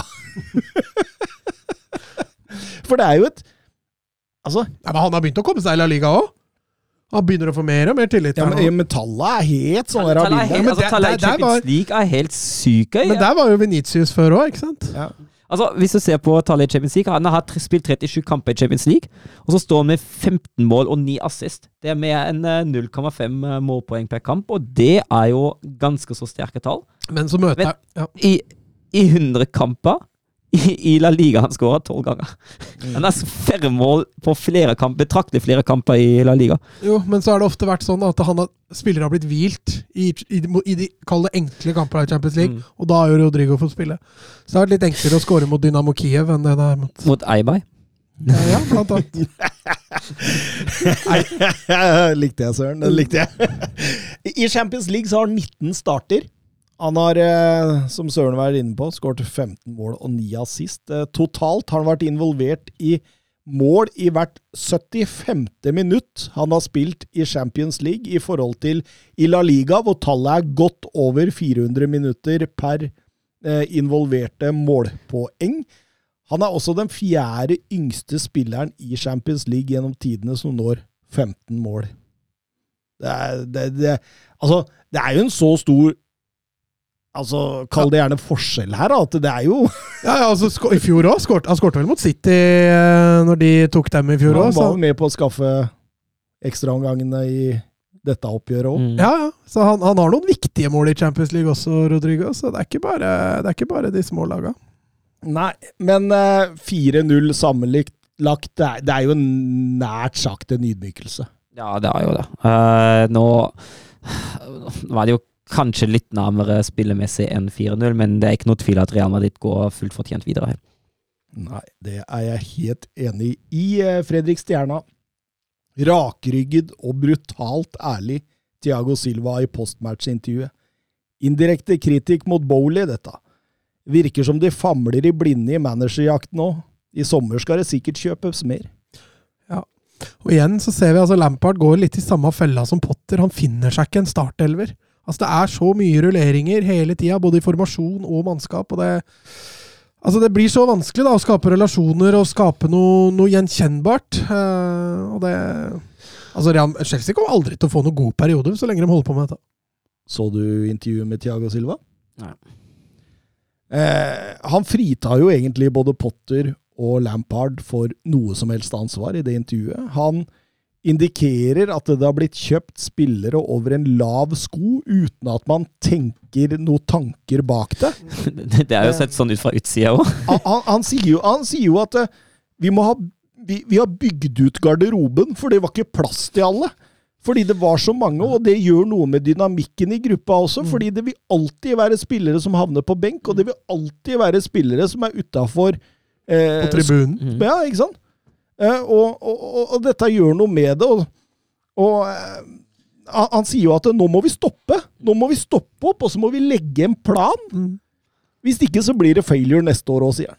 Ja, det, det, er jo, det er jo klar kritikk mot Bolly, selvfølgelig. Det er jo det. Eh, Det er jo det. Eh, og, men altså, han har jo ut ifra altså, utsida betrakta har han jo helt rett. Eh, For det virker som at man bare har, har henta spillet etter prinsippet Og han da er jo ganske god, han har vi råd til, så vi kjører, han. Og han da var også ganske god, han spiller på samme posisjon som han andre. Spiller ingen rolle, vi henter ham òg. Men, men så ser de ikke at de har en, eh, en eh, purung Brocha og en Aubameyang Ja. som nier, og tenker ja, der fortsetter vi. Ja, vi fortsetter med enda en uh, som de to andre. Altså, det, det, er jo, det, ser jo, det ser jo planløst ut fra utsida òg. og det er klart at uten en, uten en sportslig plan, uten et konsept, så kommer man ikke særlig langt i toppfotballen. For individuell kvalitet det tar deg bare så langt, men det sier stopp. På et tidspunkt. Og, det, og særlig i Premier League kommer det tidspunktet der det sier stopp ganske så tidlig. Skulle ikke forundre meg når vi skriver oktober-november, så flyr en misfornøyd Lukaku rundt på Stamford Bridge, der de har henta en fire, fem, seks nye spillere uten å reelt eh, forsterke elveren, og har en manager de fleste har begynt å tvile på allerede. Skulle ikke forundre meg. Tenk om han henter Mourinho. Tenk om han henter Mourinho. Hørte de hadde hatt eh, Ruben Amorim inne på, på intervjuet nå? Det er jo ekstremt spennende i så fall. Men uh, jeg tror vel enhver manager som er seriøs, og som har et stort navn, hopper ikke på det prosjektet der uten en mål og mening, tror jeg. Jeg tror han må ha noen garantier. Ja, det tror jeg jo. Altså, Du kan ikke gå til kamp eller gå til sesong med 35 spillere som alle forventer spilletid. Du, da blir det, det, Det det blir Ja, og så- og så- og så- og så Fullstendig ti efter en venstrevinga. Ja, ikke sant? Ja. det, det, er, det er helt håpløst. Og de har jo noen lånespillere også som kommer tilbake igjen. Og så, det er klart de har mye verdier da, i den Chelsea-stallen, så det er mulig å selge seg litt, til, uh, selge seg litt der, men eh, Nei, det er ikke Altså, altså kommer jo i tillegg Det neste problemet for Chelsea er jo at Og vi har vært inne på det før, at vi har, vi har flere lag som har behov for en virkelig, virkelig verdensklassespiss enn det finnes virkelig verdensklassespisser nå på markedet, egentlig. Eh, Og det vil jo for det første sørge for at de priser kommer til å skyte litt til værs, og det for det andre kommer spisser for, som da for eksempel Osimhen, til å kunne velge forholdsvis fritt hvilket lag som han sjøl ønsker å spille for. Og da stiller andre lag mye sterkere, med Champions League, med en tropp som ser mer sammensatt ut. da. Ja. Uh, og hvilken toppspiss, hvilken virkelig venstrespiss hadde valgt Chelsea nå over Manchester United eller Bayern München? Jeg hadde kvia meg for å komme som toppspiss Ja. til, til Chelsea nå. Eh, uten Altså Jo, jo, men en tiårskontrakt og et par feite millioner uh, det kunne ha frista! Ja, men, Du kan legge opp der, en, ta en på Garde. nei, du, tjener, du tjener jo fint i, uh, i både United og Bayern nå, Ja, men der får du bare fire-femårskontrakter. vet. Ja, krise. Eh, Mats var så vidt inne på det. Jørn Henland skriver her. Eh, bør de gå for Nagelsmann, eller bør de ha en mer rutinert trener? Og så spør han hvilke spillere bør selges? Eh, du var jo litt inne på det, Mats. Hvem, hvem, hvem bør selges her? Altså Først må man jo ansette en trener eh, og stake ut en kurs. Hva Altså jeg mener jo Du skal, kan for all del ha flere hva skal vi si, defensive formasjoner, men offensivt så bør du jo ha en tydelig kampplan. da. Uavhengig om du møter en fembekslinje eller firebekslinje. eller Så bør du ha en tydelig, tydelig identitet, da, hvordan du vil angripe. Og så må man jo selge spillere deretter. Men det er klart det er noen spillere jeg tenker allerede begynner å bli litt daukjøtt. Altså, Aubameyang. Aubameyang er jo ferdig. Han er jo bare tull. Skal tilbake til Barcelona. Ja. Ja. Skal hjem og feire skåringer på benken i Barcelona. Eh, og så er Offensivt så har du mye spill. altså Pulisic, Ziyech virker jo don. Han var jo egentlig don. Eh, og, og altså på, på mitt altså Aspilicueta er jo ferdig, men det er klart han er en fin lederfigur. da, Mulig han får lov å være der. Ruben Loftus-Cheek sitter jo mye på benken. Eh, ja, nei, det er, det er så mye spillere. Du må, man Men, må men, men stake ut en Lukaku, kurs. ja, hva gjør de der? Ja, hvem skal kjøpe han, da? Det må jo bare ta et skikkelig, skikkelig eh, på en måte Tap? tap, ja. Mm. Hvem, men, hvem fortsatt? Hvem kjøper han? Noen tar sjansen på den. Han har ikke vært så Al så grusomt i- Al-Sab? Al-Sad. Al-Sad, ja. ja. gamle laget til Xavi i Qatar. Eh, Hva, hva heter laget til Ronaldo igjen? Eh, uh, ja Veit du hva. Al... Ja, et eller annet. De var De var ute etter Zidane nå som trener. ja, det så jeg. Han, eh, han Rudi Garcia fikk vel eh, Fikk vel fyken. Ja. Og det var etter, etter at Ronaldo hadde pressa, pressa på. Han lager helvete. Lager helvete. Al-Nasser! Al Nasser. Al ja. Men når det kommer til om, uh, om man bør ha Nagelsmann inn eller mer rutinert altså Jeg tenker at Nagelsmann, til tross for at han mangler rutine altså Det er jo en taktisk veldig sterk manager som sikkert har lært en del i Bayern München, får vi håpe. da. Uh, og jeg kan jo se for meg at det Chelsea-prosjektet der uh, kan passe ham ganske godt, og lede det laget opp igjen og få dem på rett kjøl. At han angriper litt bakfra, altså litt nedenifra og opp, uh, istedenfor at han overtar et klart enerlag, da. Det eneste jeg frykter her Husker du situasjonen med Kimmich? Ja, ja, ja. Det er mange stjerner i Ja, dette Chelsea-laget òg, altså. Og det, det, han må bli flinkere til å håndtere dem, helt klart. Mm. Mm. Men ellers, altså, men ellers jeg ser jo, altså faglig mener jeg absolutt at han hadde vært et godt valg. Jo, men Hadde jeg vært en like talentfull trener som Nagelsmann, så skulle jeg jaggu satt noen premisser for å Ja, det der eh, prosjektet. definitivt. Der skulle det vært mange krav. Og så skulle det vært på en måte skriftlig forsegla. Real Brady Hangeland. Tror dere Todd Boiley gjør det dårlig med vilje? For at Chelsea skal få en bedre posisjon i draften? er tidenes spørsmål! Den likte jeg. Han har fortsatt ikke forstått åssen idrett han driver med. Tror han får mye billige spillere nå? Ah, nydelig, nydelig, eh, Brady. Um, Eivind Stølen, uten å ha fullstendig oversikt over Chelsea sine XG-tall. Hvor hadde de vært denne sesongen om de faktisk hadde satt alle de store sjansene? Skaper jo relativt mye. Ja, eh, og der, er jo Der finnes det en eh, fin side som heter Understed. eh, som teller både XG, XG against og expected points. Og, og det stemmer. Chelsea ligger faktisk over tolv mål bak det som er, er forventet. De har skåret 30, men har en XG på 42,27. Eh, men de slipper også inn færre enn forventet. Da skulle de ha sluppet inn nesten 40, eller 40, og har sluppet inn 33. Um, Så det går opp i opp, altså. ja, litt, altså. Uh, på de på expected points uh, så ligger de på 44,64. Og da 5,64 mer enn det de egentlig har, og det hadde sendt dem to plasser opp på tabellen. Så etter den regninga da, så hadde de vært på niendeplass. Det totale bildet ikke så veldig mye annerledes, nei, fordi Kepa har hatt noen ville redninger i denne sesongen. Ja, og hadde man altså Denne nieren her kan snakke om den til dauer sikkert, som Chelsea, om Chelsea, men hadde man hatt en klinisk spiss på topp, så kunne man både spilt litt annerledes, og man hadde antageligvis skåret litt flere mål. Så her er det mye viss om at det vers som at det. Kan eh, Lampard få sparken før sesongslutt, spør Nisselue. Eh, Ja, det kan han! Med tanke på hvem som driver den klubben der. Eh, Men Nei. det ville vært veldig rart. Det, det, kan, det tror jeg. Ja, Altså, da, da, da er den jo virkelig Det hadde totale klovnen. altså, tenk, tenk hvis han sparker Lampard og setter seg sjøl på trenerbenken, da. Jeg så det var en også på Twitter. altså, Jeg så det var en på Twitter som hadde lagt ut statsa til uh, Lampard denne sesongen. Det var 17-18 kamper. To seire, fem uavgjort og 10-12 tap. Helt sykt. Er jo ellevill svak statistikk. fire og en halv mål. Det var eh, lite mål òg. Ja. Nei, det er ikke bra. Det er ikke bra, dette her. De, de, de må få orden på en del ting. Um, Napoli-Milan. Um, andre kvartfinalen vi skal snakke om. Eh, Jeg, jeg, jeg vil jo si at dette er en kamp som jeg forventa å se. Det var jo et Milan her som kjører på nøyaktig Mm. den samme taktikken som de hadde i uh, første kamp, og som de også hadde mot uh, Tottenham når de slo ut i Det var å ligge kompakt bakover, uh, forsvare seg iherdig i boks, og ta overgangene. Og eh, det skal jo sies altså særlig den første delen med å forsvare seg. Altså det er jo en voldsom god disiplin. Napoli kjører jo den kampen fra start. Eh, Napoli presser jo på. Uh, altså, Kvaratskhelia, han havner jo alltid mot to. Uh, den defensive jobben Brahim Diaz gjør for å støtte opp mot Calabria, den, den er enorm, altså.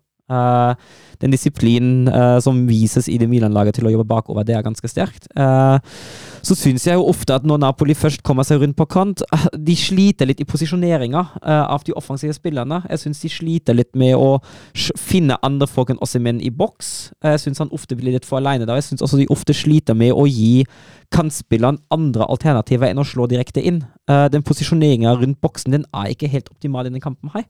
Og da blir det ikke så mange store sjanser. Og så hjelper det å kontre da når du har Rafael Leao på laget. det, det, det, det hjelper å kontre. Det er det ingen som helst tvil om. eh.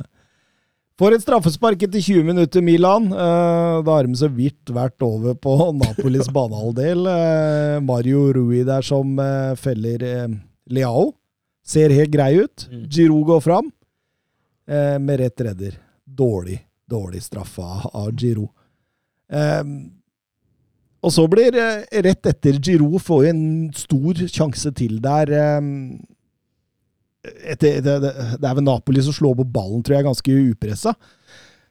Så, så, så må Napoli tvinge seg gjennom et dobbeltbytte pga. skader også. Både Rui og eh, Politano må ut. Og da, da, da begynner det å liksom Du, du skjønner liksom det, Vi, vi har snakka om denne slitasjen, da.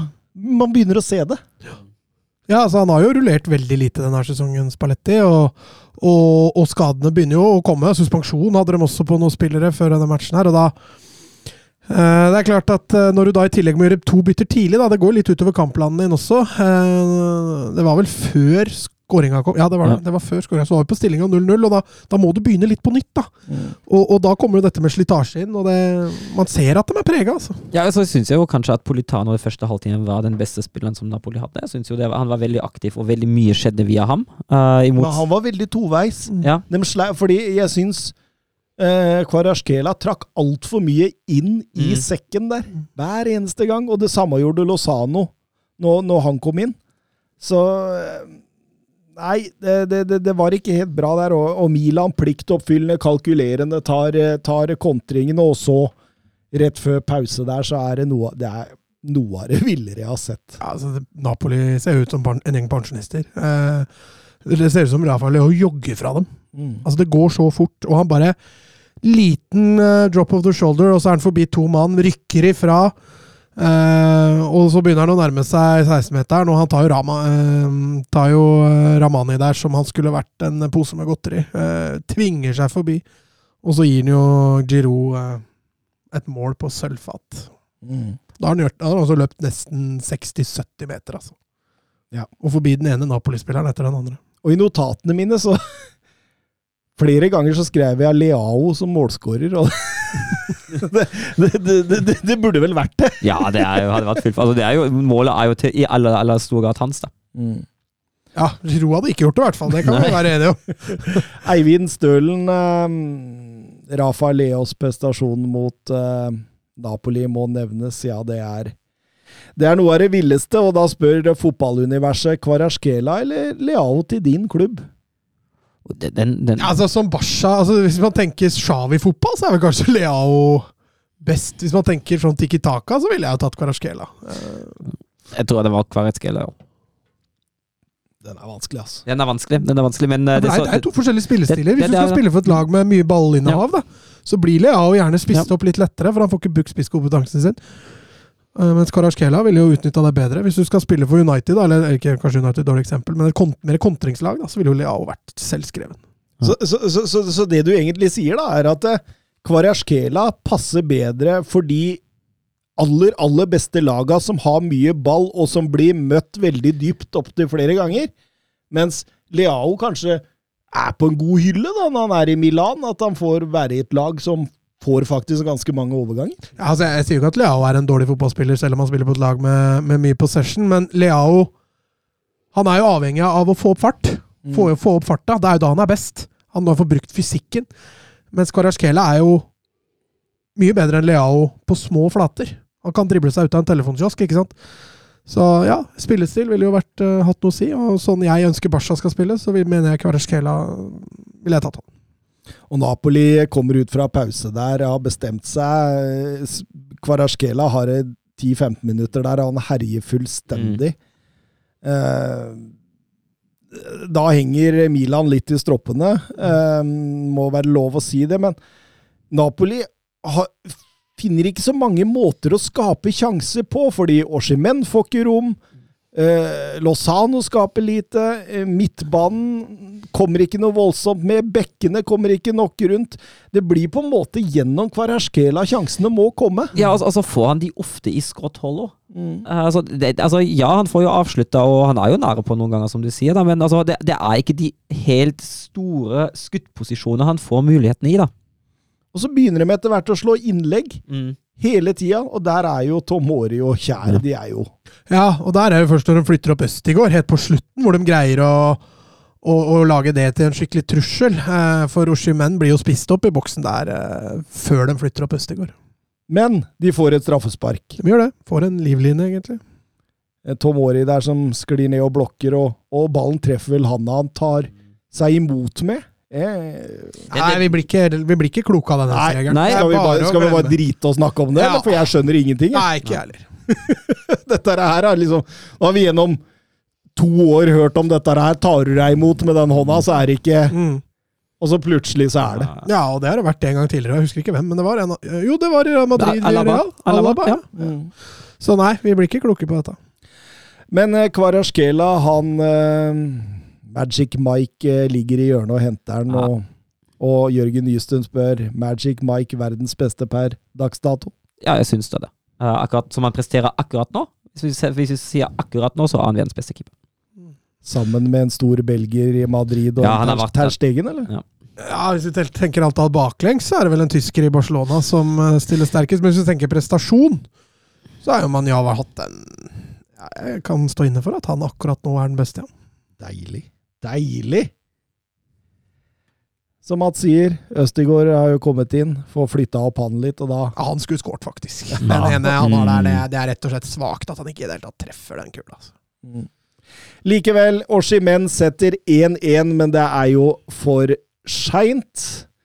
Trener og analyse spør oss kjempeskuffende for Napoli. Kan dette prege dem i innspurten? Altså Skuffende av det. eh, men altså Mats er jo litt inne på det med slitasje. Eh, det kan også ha den positive effekten at man faktisk eh, slipper å spille flere kamper i midtuka. Det er jo greit. Og så tenker jeg jo, altså De har jo såpass mye forsprang at det da klarer de ikke å rote bort uansett hvor skuffa de er. Eh, jeg kan ikke se det for meg. altså Det blir kanskje ikke fullt så suverent. Man ser kanskje at luften går litt ut av ballongen. At uh, de andre lagene kanskje til slutt kommer litt nærmere. Men at det blir særlig mer preg utover det, det kan jeg ikke se for meg. Milan går videre til semifinale med 2-1 sammenlagt. Eh, Serie A er avgjort, så det er vel bare uansett litt eh, flisespikkerier. Men det er klart, de har Juventus borte i eh, helgen. Blir imponert om de overbeviser der.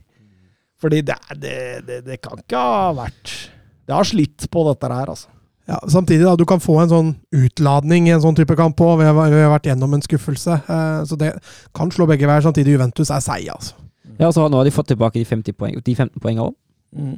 Ja, det med, inntil videre så, Ja, inntil videre, ja, ja. så får vi se hva som skjer. Dette her kommer til å, kommer til å, å, å drøye og dra. Um, Oskar Carveio Holm, bør Østegård forlate Napoli? Ja. Uh, fem seriekamper og tre kamper i Champions League. Uh, Spalletti er jo kjent for å ikke rullere så voldsomt mye. Uh, han bør finne seg en klubb han får spille med. Ja, men nå sa vel Spalletti også et, før den matchen at uh, man, han måtte ikke ha dårlig tid. Han hadde kjempetro på Østigård, uh, og at uh, han så på Østigård som en framtidig stjerne i Napoli. Så Spørs hva de kommuniserer. ja, det er litt det, da. Eh, For hvis det er noe han bare sier utad for at eh, det skal høres bra ut, så, så er jeg helt enig med Søren. Altså, han kan ikke sitte på benken en hel sesong. Tar en Vålerenga mot Strefan Strande. Eh, Men, Det var men, ikke dette her jeg ble lova! men han får jo spille! Ja, det får han. Eh, hvis Østigård nå skulle ta en sesong til, og han ender, da, da er det bare å komme seg vekk, tror jeg. Han er, fortsatt, han er i en alder hvor han trenger litt spilletid, for han trenger erfaring, han trenger utvikling fortsatt. og Det, det tror jeg ikke du får ved å sitte på benken i Napoli. Samtidig, om han skulle greie å spille seg til fast plass, så tror jeg Napoli er en fin klubb. Og, er et fett lag å spille Jeg tror det er for. et fett lag å spille for. Både supportere og kulturen og alt sammen. Absolutt. Absolutt. Over til eh, Bayern München mot eh, Manchester City. Vi begynner med et spørsmål fra Alex Bjørkan. Hva syns dere om tilnærmingen til Tuchel i returoppgjøret, og hvordan angrep han oppgaven? Jeg syns han var god! Jeg syns også det. Uh, jeg Han syns hadde litt høyt uh, tenningsnivå, eller? Ja, så, Ja, ja. så, som person. Som ja. person, ja. Men, så, så, men rent faglig, altså jeg syns jo han, uh, han, har, han har gjort hjemmeleksa si. Eh, han har forberedt seg optimalt på den kampen, egentlig. Han har prøvd å utnytte svakhetene til City så godt han kan. Eh, det trekket som han gjør, da, at han eh, setter Cancelo smalt og la Pavard stikke inn i presset bak Grealish fordi Guardiola sender sine vinger i toppress, for så skape en to mot én på høyrekant med Coman og Pavard mot Ake, som da settes i dilemma gang på gang på gang på gang. Det fungerer jo ganske så bra. Ake Ok, ser ganske treig ut. Ja, han gjør det. Koma med ball, løp fra Ja. Gang etter gang. altså. Han gjør det. Uh, og så og så justerer jo Guardiola litt etter det, da. Etter hvert. Han setter jo Grealish dypere og toppresser det plutselig Haaland og De Bruyne som har. Han, han, han eh, begynner toppresset med 4-2 i 4-2-4, og så ender han opp med 4-4. 4-4-2. Ja. Mm. Altså, men da klarer Toril igjen å justere og sette Koma altså, han, han, altså Først dukker han opp på venstre, og så trekkes han litt mer inn, så han, han får jo en nærmest fri rolle da. Og han setter han på en måte inn uh, da det er rom til ham, da. Eh, og veldig mye, eller egentlig alt av det som Bayern skaper offensivt, går jo via Kingsley Coman. Uh, så jeg syns egentlig Tuchel treffer veldig godt både på kampinngangen sin og på de, på de grepene han tar underveis. Uh, så blir ikke sjansen utnytta. Og vi kan jo også snakke litt om sluttproduktet i siste tredjedel, for all del. Da er det ikke alt som som stemmer heller, men uh, matchplan i seg sjøl, og hvordan Torhild uh, reagerer underveis og justerer, syns jeg egentlig er veldig fint. Ja. Ja, det er jeg helt enig i. Altså, det er jo Det er jo en kamp med to topp, topp, topp managere Ja. så, som kan dette spillet, og som justerer imot hverandre, og Mm. in game match. Altså, de, de eh, Det er jo bare rett og slett morsomt for oss litt sånn taktikkfanatikere å sitte og se på, egentlig. Ja, Det er vel to veldig Og så er, det- så er det så høyt nivå på spillere, da. Eh, som gjør det så ekstra gøy å følge med. Eh, jeg, er helt enig med dere. Jeg syns Tuchel treffer kjempebra. Eh, Bayern skaffer seg et lite momentum, og så gjør de City usikre i løpet av de første ti minutta. Eh, og det gjør at de får et sånt lite mentalt overtak, selv om jeg tror City føler de har OK kontroll. så så sprer det seg. Det kan jo spre seg en liten usikkerhet der. og... Hvis Sané setter sin kjempesjanse etter 17, Mm. da tror jeg vi ser en litt annen kamp og litt mer nervøs City. Mm. Ja, det er Musiala gjør det. Ja, stemmer. Mm. Stemmer det. Minuttet etter så er Haaland igjennom der, og Opamecano, Mm. felleren, får direkte rødt kort av dommer. Så kommer VAR inn. Det var 4,5 cm offside på, på Haaland som gjorde at han fikk lov å bli på banen.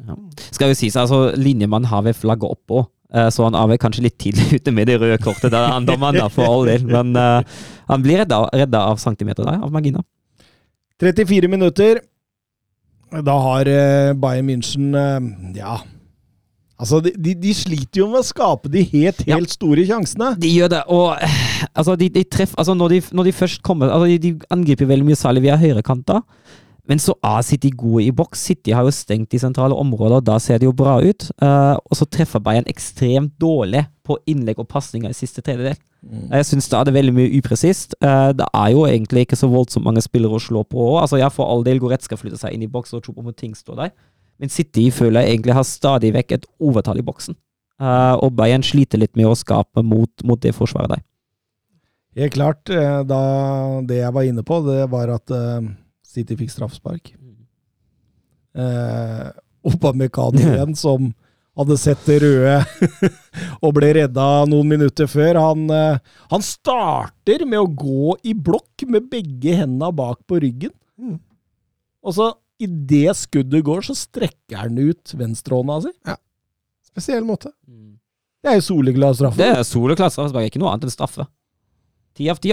Det, det er straffe med både nye og gamle hens-regler. Det, det, det er hens. Det, det er sånn hens-reglene blir ment å være.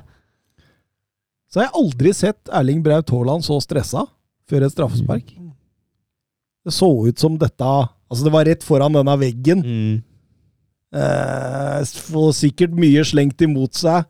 Goretzka går fram og retter på en gresstust. Og, Ja, hva var det for noe? Fordi han fikk tommel opp fra dommeren? Ja, det var en gresstust som var holdt i handa! Det er helt er ikke det gult kort? Jo, jeg, Jo, jo, jo. Soleklart. men han fikk, han fikk tommelen opp av dommeren! Nei, det skjønte jeg ikke. Jeg tenkte det her må jo være en eller annen barberblad eller noe sånt, tenkte jeg at han fjerna der. Men det ok. Han fjerna gresstuster. Fjerna gresstuster. Eh, og, og Bayern eh, München-spillere gjør jo alt de kan for å få han ut av fatning, og det gjør dem. Han brenner den over. Og, men, men samtidig Jeg tror ikke Manchester City så på det som noe sånn voldsomt hemmende, fordi denne perioden her så føler de at de har veldig, veldig god kontroll. De, de har blitt mer presise i grunnspillet sitt. De, eh, de, de, de, de, de står tett sammen, de jobber bra sammen, de står godt i ramma, og de har begynt å få disse overgangene. Ja, det er, det er også der Greeders har begynt å falle dypere, mm. og stemme litt mer opp for den høyre sida til Bayern. Ja, absolutt.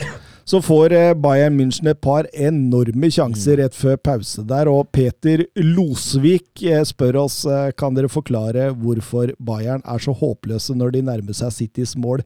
Pleier å være en veivall som bare ruller over det som står foran dem. Ja, nei, det er jo det, det, er jo det med sluttprodukt. City er tross alt ikke et, godt, et, ikke et enkelt lag å City Eh, Ikke et enkelt lag å bryte ned. Um, og jeg syns jo Bayern bærer litt preg av at uh, det er ofte trangt der. Uh, City spiller tett på. Altså, de største sjansene hadde jo når City rota bort ballen i, i frispillinga. Gesundheit. Danke. Um, men, men altså Men jeg syns jo den mangelen av en, av en enorm god nummer ni, da, uh, den sier jo sitt, da. Eh, I den kampen der. Og Jeg sa jo etter forrige kamp at, at Bayern savna Erik Maxim Choupo-Moting borte på, borte på Etihad. Da, lo, da lo vi! ja, eh, men jeg, jeg mener jo det, men det er jo samtidig ironisk. Eh, men man ser jo også samtidig at Erik Maxim Choupo-Moting det, det er ingen Lewandowski, det er ingen Haaland, det er ingen Benzema som, eh, som i sånne kamper gjør mye ut av lite. Eh, det er en spiss som må fôres, det er en spiss som må settes opp i de perfekte situasjoner, og så skårer han sine mål. Det er greit nok, det. Uh, men Bayern har ikke den absolutte toppkvaliteten på topp nå om dagen. Uh, og igjen, det kan, det kan fint holde til å, til å skåre litt, litt mot bunnlagene i Bundesliga. Ja, eller topplagene Ja, ja, jo, jo. Men, men det, det er et stykke unna den absolutte internasjonale verdensklassen. Og det er klart, når du møter et såpass lag som sitter i et såpass sterkt forsvar som City tross alt har, eh, så økes vanskelighetsgraden litt. Så jeg føler at Bayern bare er ganske preget av det. Jeg tror sånn, at Et enkelt svar til Peter Losvik her, at i, i fjor hadde de Lewandowski og Thomas Müller i, sammen. Hvor mange målepoeng det ga.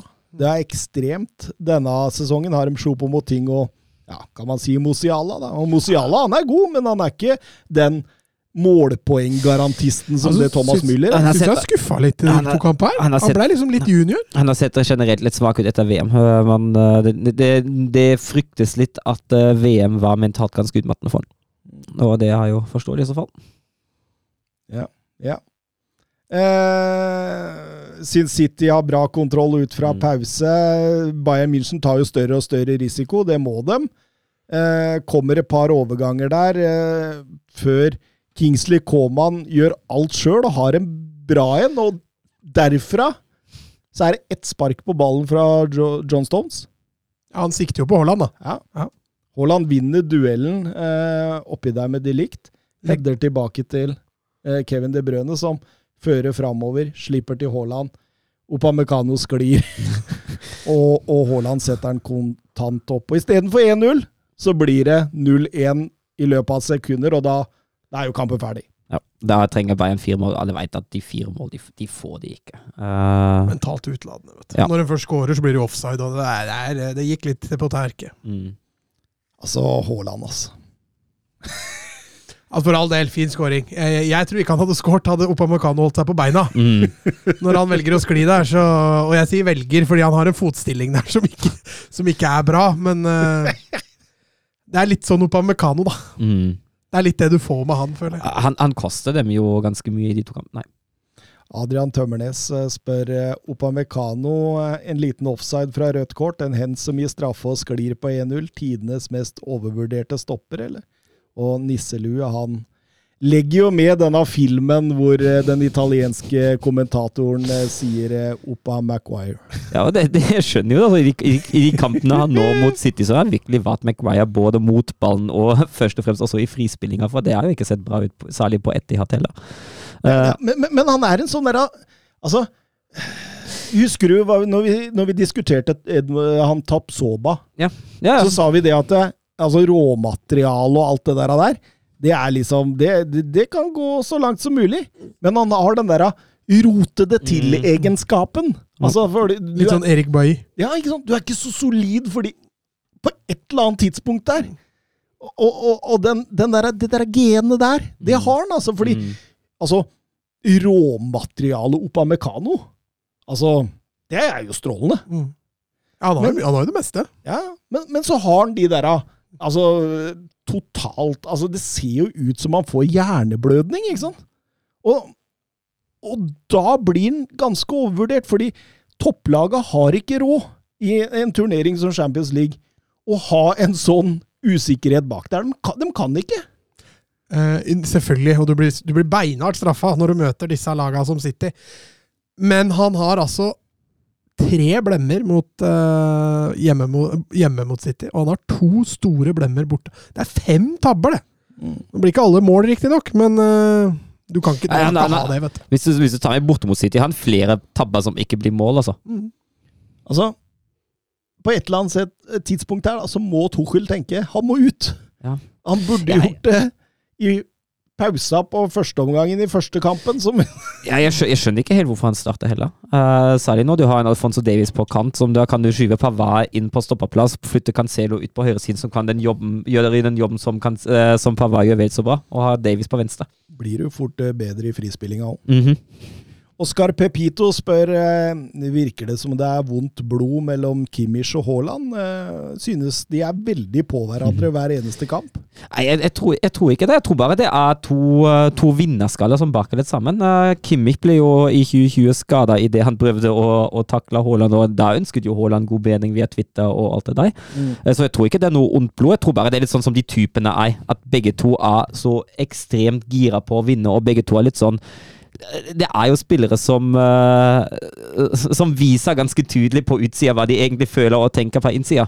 Eh, og da er det naturlig at to så enorme vinnerskaller som de to barker litt sammen. Eh, og, og, og- og resten av kampen, Mats, den er jo prega av at kampen er avgjort. Ja, det dras ned på tempo. City tar seg god tid overalt. De er plutselig ikke så interessert i å ha ballen. De vil heller bare kontre, og Bayern har jo mentalt eh, gitt opp. Eh, fire mål å ta igjen, det, det får de ikke til, selv om de skulle få en, få en få i hvert fall få skåringa si til slutt, så Soru Stanicic ble forbanna på Grealish når Grealish eh, latterliggjorde det litt der. Slo en luke der og kosa seg. Og selvfølgelig, selv om Kimmich setter 1-1 på straffespark, så Tuchel, han måtte se det røde kortet til slutt. Ja, ja, det, det, det er som man jo kommer fra langt hold. Han kunne fått det før. Ja, jeg er helt enig. Han uh, er litt bajas. Blir, blir veldig bajas. Bjørn Erik Skorge spør på Twitter eh, er det ikke akkurat Tuchel-effekt i Bayern. Hvor lenge sitter han? Det har du du gitt svar på før, Søren. Ja, han sitter, han sitter nok en god stund. Altså, nå, nå, skal, nå skal han redde eh, seriegullet, men selv om det ikke blir seriegull, kommer han til å sitte neste sesong. Men uh, opprydningsarbeidet det kan fort bli enormt i Bayern. Mm. Mm. Ja, men det har jo ikke vært bra. Det har vært skremmende, egentlig. Ja, selv om jeg, altså, jeg syns jo rent spillmessig er jo den kampen her har mot City veldig godkjent. Ja, ja. For all del. Dette er kanskje den beste kampen hans. Men uh, nå mot Hoffenheim òg, altså, de roter jo bort 1-0 og kan egentlig bare sende blomsterbukett og en kasse pils til Stuttgart som uh, ja, holder Dortmund unna. Altså. Men ja, nei, det, det vil seg ikke. og en ung Borussia Dortmund-stopper. men, men han kommer jo inn i et lag som Det har vært litt sirkus. Han har ikke fått satt preg på det ennå. Han har ikke fått inn sine spillere. Altså, jeg, jeg syns det er ufattelig at ikke Bayern München bare kunne hatt en gentleman agreement med på slutten av sesongen og sagt Tar deg noen måneder fri til, så ansetter vi deg i sommer. Hvis de absolutt vil ha han. Eh, Hvis de absolutt tenker at de blir så mye bedre med han enn med, med Nagelsmann. Altså Altså øh, jeg, jeg, Altså, jeg, jeg føler jo at, at Bayern sjøl har ødelagt sesongen for seg litt. da. Ja, det er, det er jeg helt enig i. det, det, det gjelder både troppssammensetning og alt det sirkuset som er rundt ellers. Eh, For all del Nagelsmann har bidratt sin del til det, og vil ikke være en konsekvent leder for, for troppen sin. Um, men det du er inne på nå, er jeg helt enig for de problemene nå med Torhull er hvis det ikke skulle bli noe seriegull altså Nå har han feila i cupen og feila i Champions League, i hvert fall fra et klubb- og supporterperspektiv. Det er jo Mm. han som har ryket ut eh, med klubben. Eh, hvis dette her nå skulle gå skeis, så kommer han til å starte med et enormt press neste sesong. Eh, Og også fra spillere òg. ja, ja, ja. Uh, og det hadde jo vært bedre for både ham og egentlig alle parter om han, hvis han nå først kom inn, kom inn som en sånn frisk pust etter sesongen og fikk bygge opp det her sjøl, istedenfor å starte på de premissene der. For den sesongen her, altså, den er jo Sjøl hvis det blir seriegull, er det jo en mislykka sesong fra Bayerns perspektiv. Der. Å ryke ut eh, i kvarten på samtlige cuper og ha en kjempespennende innspurt om seriegull eh, i Bundesliga, det er langt unna det Bayern krever. Milos på Twitter legger ved et uh, sitat fra Oliver Kahn, der han ja, sier at Choupo-Moting eh, Ja, han er jo en nier, men uh, han spiller ikke for oss. Klar kritikk der, og Litt Benzema Venitius. Mm, ja, og det er Da er vi litt inne Ja, var det? Nei. Ja, han har et langt spørsmål der. Ja, ja, sorry. Hvor respektløs er Khan mot Choupo-Moting her? Han har selvfølgelig rett, men å si det offentlig Hele ansettelsen av Tuchel minner om en vennetjeneste av Brasso à la Kovac. Ingen klar plan, ingen rullering, rare taktiske avgjørelser, og ingen av dem liker eller respekterer Thomas Müller. Ja, eh, altså jeg er helt enig angående det, det med Choupo-Moting. Du kan ikke være styreleder i Bayern og komme med et sånt utsagn om, uh, om en spiller. Og det er jo tross alt en spiller som har prestert etter beste evne for den klubben der. Uh, Bayern München vet da veldig godt uh, hva de henter Erik Maxim Choupo-Moting, nemlig en backup-spiss for Robert Lewandowski. Og så skal plutselig han erstatte Robert Lewandowski. At ikke det skulle gå én til én, at det er kvalitetsforskjell mellom de to, det bør være selvsagt. Jeg syns jo etter forutsetningene har Erik Maxim Choupo-Moting spilt en sesong som var som har vært betraktelig bedre enn man kunne forvente av ham. Uh, og jeg er helt enig at det er respektløst. Og da er vi igjen på det som Lothar Matheus sa for noen uker siden. ikke sant? Eh, Det med, det med at klubben har blitt litt kaldere, at man ikke tar like, go like godt vare på sine egne. At uh, den der uh, familiefølelsen som man hadde før, at den er litt borte med, med Kani og Salahamidzic. Og jeg syns det er det neste tegnet på, på akkurat den kritikken der. Ja, og så er det et veldig dårlig tegn at de sitter og prater mer om styremedlemmer og, og direktører enn en prestasjoner og sånne ting. Og det, altså, da er du for mye synlig, altså. Som en, som en egentlig en, en bakgrunnsfigur. Og den der glimtet av arroganse, det, Ja. det, det viser dem gang på gang. Og så nå, nå skrev jo Bild uh, tidligere i dag at uh, Khan sin framtid, den, den, den vurderes nå kraftig ifølge interne kilder. Uh, så vi får se. Han har kontrakt ut 2024.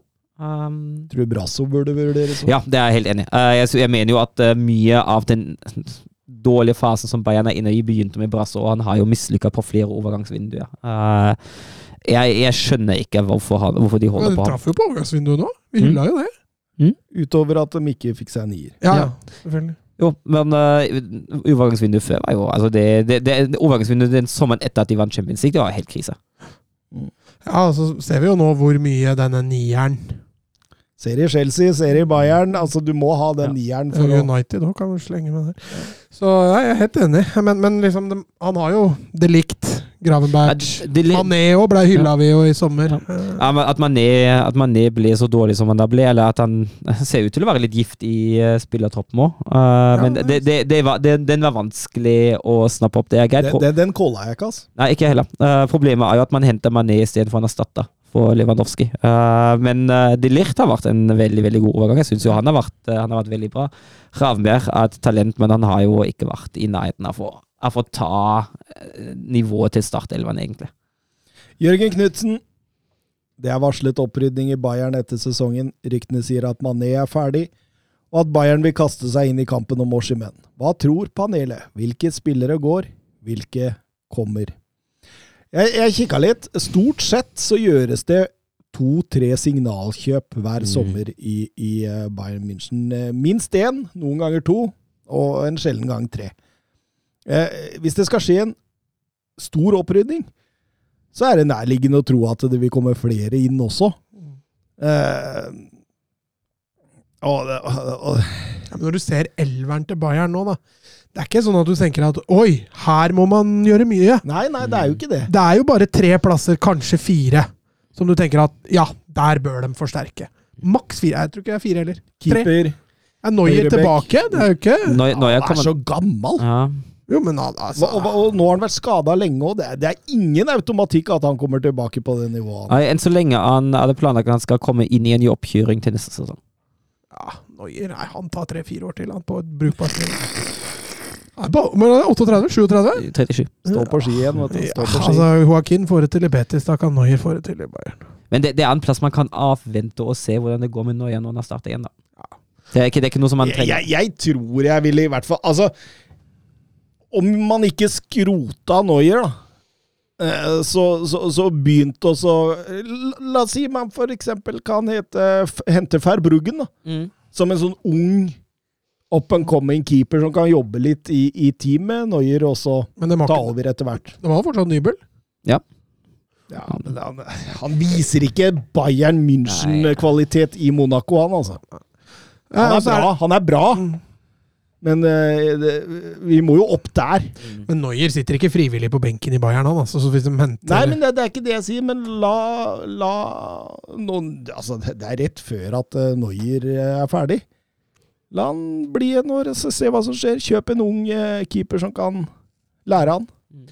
Uansett så må de jo ha inn en stopper og en høyrebekk, i hvert fall. Eh, der brenner det litt på dass. Og en angriper. Og en spiss. Og så og så er det litt spørsmål hva som skjer videre med Pava. Han har kontrakt ett år til, men det- framtida hans er ikke avklart. Det er litt sånn uh, Han har, han har både ønska seg litt vekk, men så det er litt sånn fram og tilbake med ham, da. Uh, så jo, men der er jo finnes det jo alternativer som er bedre enn Pavard. Jo, jeg. Det går men an å forsterke den plassen. Akkurat de siste kampene syns jeg faktisk Pava har vært en av de bedre Bayern har hatt. Bare så det er sagt, Men jeg er helt enig, jeg er ikke noen stor fan av Benjamin Pava. Vanskelig markedet med høyrebekker òg.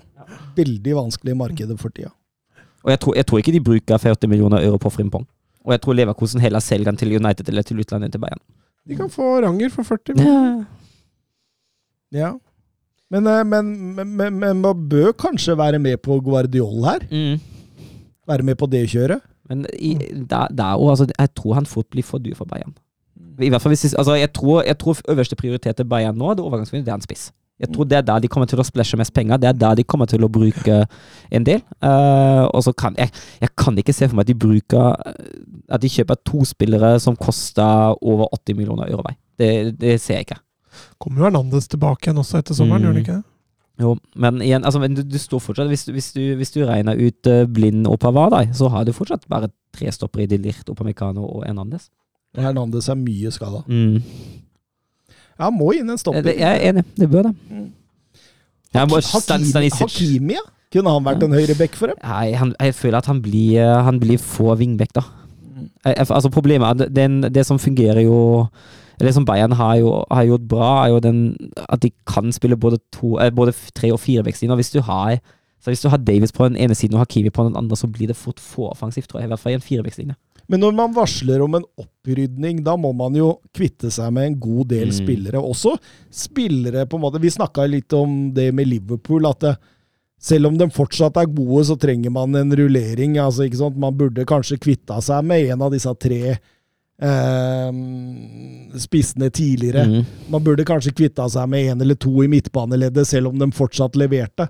Kanskje det er sånn at man må kanskje slippe kanskje en Gnabri og en Ja, men det er fordi de, de, de vingene tenker litt på. Så jeg syns jo Comot, eh, når han er frisk, jeg syns egentlig Comot er den mest eh, mest uh, Skapende. skapende, og den, den som presterer med høyest kontinuitet. Uh, men når det gjelder både Sané og Gnabry, det er altfor mye opp og ned. Eh, jeg tenker egentlig at toppnivået be begge har fått litt kritikk for livsstilen sin ja, nå. ja, eh, og jeg Så har du Mané inni der òg. ja, ja, Mané, man man er altså det, det er jo en sånn tilfelle for seg sjøl, da, men Hva er det som skrev? Hvis Bayern kjøper Kane, så har de både Sané, Mané og Kané. Ja. nice. Men altså, jeg tenker jo toppnivået til både Gnabry og Sané, det er jo der Bayern vil ha det. Og det er, det er jo det er virkelig bra, men det er for store svinginger. Det er, det er ikke konstant nok. Eh, og Bayern altså, hvis man, hvis man tenker tilbake til Rob Moriberi, så lenge de var friske, presterte de kamp etter kamp etter kamp. Så ja, de var jo for mye skada, de òg, men jeg føler ikke at den, den, samme, den samme kontinuiteten er der hos Gnabry og Sané. Eh, og det er jo noe man absolutt bør se på som Bayern München. Ja. Altså, toppnivået er bra nok. Ja, jeg er helt Det enig. er bare varierer veldig. Og de feiler gjerne i litt større kamper. Vi eh, må videre. Manchester City tar seg enkelt videre. For så vidt så må man jo kunne si det. Um, siden det var Bayern München, så er det jo, var det jo forholdsvis enkelt. Med 1-4. Ja, hvis 4-0 var ydmykende, så er 4-1 Ja, akkurat innafor, eller? Ja, det, det, det, er, det er sånn at varsellampene må blinke i, i, i. München. Ja, og det, det er jo det som for å avslutte, det, er det som går igjen nå, at man, man sier at det, det å ryke mot Manchester City i seg sjøl er ikke noe problem, men måten man røyker på, det er, det er litt alarmerende. Mm, mm. Barca tapte bare 8-2. Eh, Inter Benfica, siste kvartfinale vi skal snakke om. Eh, vi går Altså, dette var jo en kamp som du følte på mange måter var avgjort Mm. idet du eh, satte deg ned for å se på den, og så følte du at den var avgjort eh, et, enda mer etter 13 minutter, når Barella setter 1-0. Vakkert, det. Ja, og, og det, er, det er jo Det er jo et interlag som på en måte er ganske kyniske, ligger i balanse. altså Sånn de kjenner dem fra Serie A. Og et eh, Benfica-lag som ikke er i den formen som de har vært i. De greier ikke å skape all verden. Det mangler det balltempoet sånn for å bryte ned Inter, og Inter imponerte ikke sånn. Wow, dette var ikke noe sånn at disse slår ut Milan, liksom. Men ja. Nei, nei, altså det er jo det solid. Inter vet jo. Altså, vi snakker om Milan med en klar kampplan mot Napoli, det var jo samme her. Inter ligger dypt i en 5-3-2. Uh, så slås det enten overganger, eller så slås det høyt på Djeko, uh, som skal være oppspillspunkt. Uh, som skal stusse videre, og så har du noen kvikke spillere rundt ham, og så skal det tas derfra. Men uh, sentrumet der òg er stengt. Uh, den treerblokken på midten ligger jo ganske smalt og foran boks, og Benfica tvinges stadig vekk ut på kant. Uh, og finner ikke helt veien i boksen, som regel. Og normalt sett så har de Grimaldo og Ba som stuper i de romma der. Nå hadde de Gilberto på høyre nok en gang. Jeg skjønner ikke hvorfor Roger Schmidt velger det. Fordi han er så dårlig, og, og passer ikke i systemet i det hele tatt. Altså, jeg skjønner, ok, man har ikke all verdens av høyrebekker etter Ba, men de skulle jage. Eh, Syns det var bedre å sette Aursnes der, ja, som han gjorde i, i annen omgang. Eh, selv om han blir rundlurt på 2-1 der, men han skårer jo sjøl. Mm. Skulle kanskje hatt et straffespark ja, tidlig i den annen omgang. var helt i grensa, den der. altså. Mm. Jonathan Hobber spør eh, strengt tatt straffespark, eller? Ja, jeg tenker det. For han er jo litt borti den. Jeg, jeg tror det er den der clear and obvious som kanskje hindrer det. Ja, altså, I utgangspunktet er jeg jo alltid glad når VAR ikke griper inn. Jeg syns egentlig det er et sunnhetstegn at VAR ikke griper inn for hver eneste ting, men jeg syns jo egentlig at dette har, er et straffespark som dommeren på banen fint kan blåse. Jeg håpa det ble straffespark, fordi da hadde kampen kun blitt litt spennende der. Mm. Og så skjer jo det som måtte skje, at Benfica risikerer mer og mer og mer og mer. Flytter opp flere og flere spillere i tidligere faser, og, og da, altså, da spiller du på Inters premisser. Da får Inter det nøyaktig som de vil. Og eh, Lautaro Martinez setter 2-1 og Joaquin Correa 3-1. Eh, selv om Benfica får en liten sånn trøsteinnspurt. Ja, det blei jo Inter og slapp seg jo veldig ned i intensitet siste der. De eh, leda vel på det tidspunktet 5-1 eller noe sånt, så Men eh, det er jo ikke et sunnhetstegn det heller, å slippe inn to mål på de siste ti minutta der. Og, men men det, var, det var egentlig aldri trua. Skjeldrup eh, tredje sist på 3-3-målet til Petar Musa. Denne, Petar Musa. den vil vi ha Denne spissen vi ønsker skal spille litt i Allsvenskan. eh, og André Skjeldrup skriver på Twitter Betryggende at Skjeldrup Er det familie her, eller? Begynner å få minutter her nå. Er det betryggende? Ja, det er jo det. Det betyr jo at han kommer seg nærmere og nærmere. Jeg syns det er fint. Uh, altså, 18 år gammel, uh, stortalent. Uh, veldig fint om han får spilletid. Uh, kanskje her kan man jo håpe at Ståle Solbakken også føler seg fristet til å ta en endelig med i en landslagstropp, når vi mangler spillere med akkurat den profilen der på landslaget. I det, i det han begynner å spille sånn noenlunde fast, så er han med. Ja, jeg håper det. Jeg mener også han burde vært, Ja. fått prøve seg før. Jeg, jeg, synes, jeg synes, altså Vi, vi, vi spekulerte vel i når vi hadde landslaget at han er med G- G19 fordi de skal til et sluttspill, at han er med derfor, men ja, altså hadde, hadde Norge hatt en etablert spiller i Benfica som spiller sånn innimellom, så hadde han jo antakeligvis vært på landslaget for lenge siden. Mm. Eh, og Roger Schmidt var vel ganske klar på uansett at eh, det ville ta litt tid med han og Tengstedt. Det, det, det ville det, så det er, det er ikke noe Altså, Jeg regner med at de har situasjonen under full kontroll. der. Benfica kan forvalte unge talenter. Det har de vist gang på gang på gang. Mm. Eh, ikke noe stress. Eh, Petter eh, Halseth, semifinalene. Forventninger. Hvem blir finalister? Ja. Hvilken skal vi ta først? Altså Nei, jeg veit det. Det jeg, blir jeg, jeg, jeg tror det blir AC Milan mot Manchester City. Ja. Det tror jeg òg. Det er det jeg satt, tenker. Ja. Altså den, Det som gjør at jeg heller mot City, er jo at de har blitt mer solide defensivt. Da. De kan plutselig ligge litt bakpå. De må ikke ha ballen for å forsvare seg. Og det kan bli en kjempefordel mot Real Madrid. Uh, så jeg, altså jeg vil ikke si de er klare favoritter, men, men allikevel klare nok. da. Altså Jeg tenker sånn 65-70 favør City. Så det er klart Real Madrid og Champions League, det går jo hånd i hånd. Altså, Ja, det, vi, vi legger nakken for hugg, men vi, skal vi si 80-20? Skal, vi- skal vi gjøre det? Nei, der er jeg ikke på 80-20, men, men jeg er enig med deg. Eh, En eh, 65-35, kanskje. Og så syns jeg den andre er jevnere. Eh, Jeg holder AC Milan som favoritter, særlig med tanke på formen som AC og Inter har vist nå i det siste. Hadde du spurt meg for to måneder siden, hadde jeg sagt Inter er klare favoritter. Eh, Så det der kan eh, To lag som kjenner hverandre godt. Ja, altså. kan bølge, men Den er jevnere. den er jevnere. Jeg tenker 55-60 eh, for AC Milan. Altså. 55-60. Hvem til hvem, da? 55 eller 60 Å, ja. til AC Milan. Ja, Matte-Mats ble mattesøren. 50-50 Inter og 60 til Milan. Ja, 115. Ja, og, og det sier vi fordi Milan ser mer solid ut. Ja.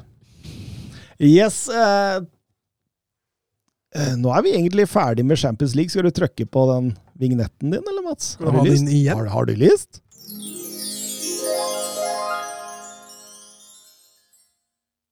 Hei! Han han var- han var ikke så lenge, da. Nei, han var ikke, men du, du, du trives. Du har det veldig godt. Jeg er DJ i det ene sekundet jeg får lov å trykke på.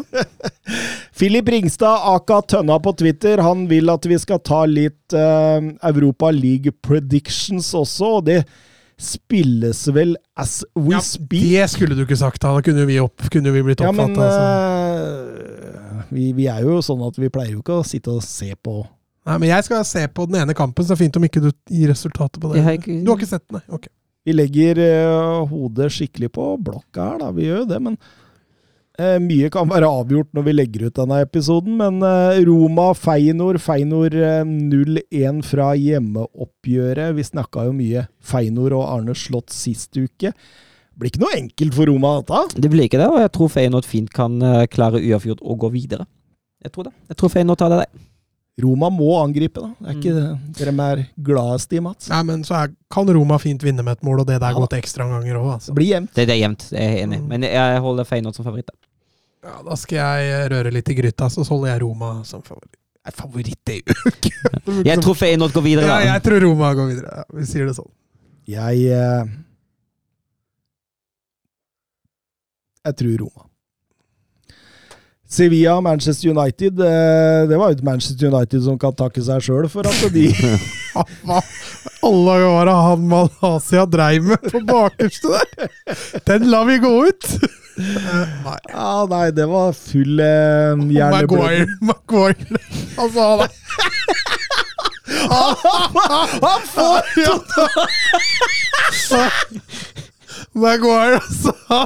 Han, jeg skjønner jo, han gjør det jo ikke med vilje, men han er altså så klønete. Det er så humor. Og så er jeg glad jeg er så glad jeg ikke er United-supporter, for det, da hadde det ikke vært humor i det hele tatt. Men nei, han, så når starta, starta mot Forrest, og det første han gjør, er jo å kløne. Han er jo griseheldig som spiller 90 minutter. Fy faen, ass. Ah, Ja, hadde jeg vært en hag, jeg hadde, jeg kjørt den til neste fotballag gratis. Kan, vi vi snakka om på Mekano at man kan ikke ha sånne spillere bak der som du ikke kan stole på. Det, det gjelder i aller høyeste grad for Harry Maguire. Ja, så føler jeg McVay gjør det litt oftere enn på Mekano, Canada, Sånn rent eh, prosentualt. Ja, det er nesten bare for England, hvor han kan ha en kamp hvor han ikke driter seg ut. Men for United, uansett om han spiller 5 eller 90, altså han har alltid en situasjon hvor han havner på negativ fortegn. Jeg, tror jo United tar det. Ja, Ja, jeg tror også det. Men er Europaligaen er jo Sevilla, da. Mm. Men samtidig, de det passer Manchester United å, å ligge bakpå og kontre på Sevilla. der. Nei, jeg, altså, Lure Sevilla framover i banen. jeg også føler at United tar det der. Altså. Gjør det. Sporting Juventus 0-1 fra første oppgjør. Eh, Sporting er farlig på så José Alvalada, som skårer mye mål der, så Juventus kan få en håndfull. Mm. Men eh, det, igjen, da er vi igjen at det, det passer jo det med å forsvare en ledelse. Det er jo veldig typisk Juventus. Hadde vært eh, mer bekymra hvis de måtte jage. Jeg tror de rir det inn, ja. Ja, eh, det spørs. Altså, treffer Sporting toppnivået sitt, så, så tror jeg de får trøbbel.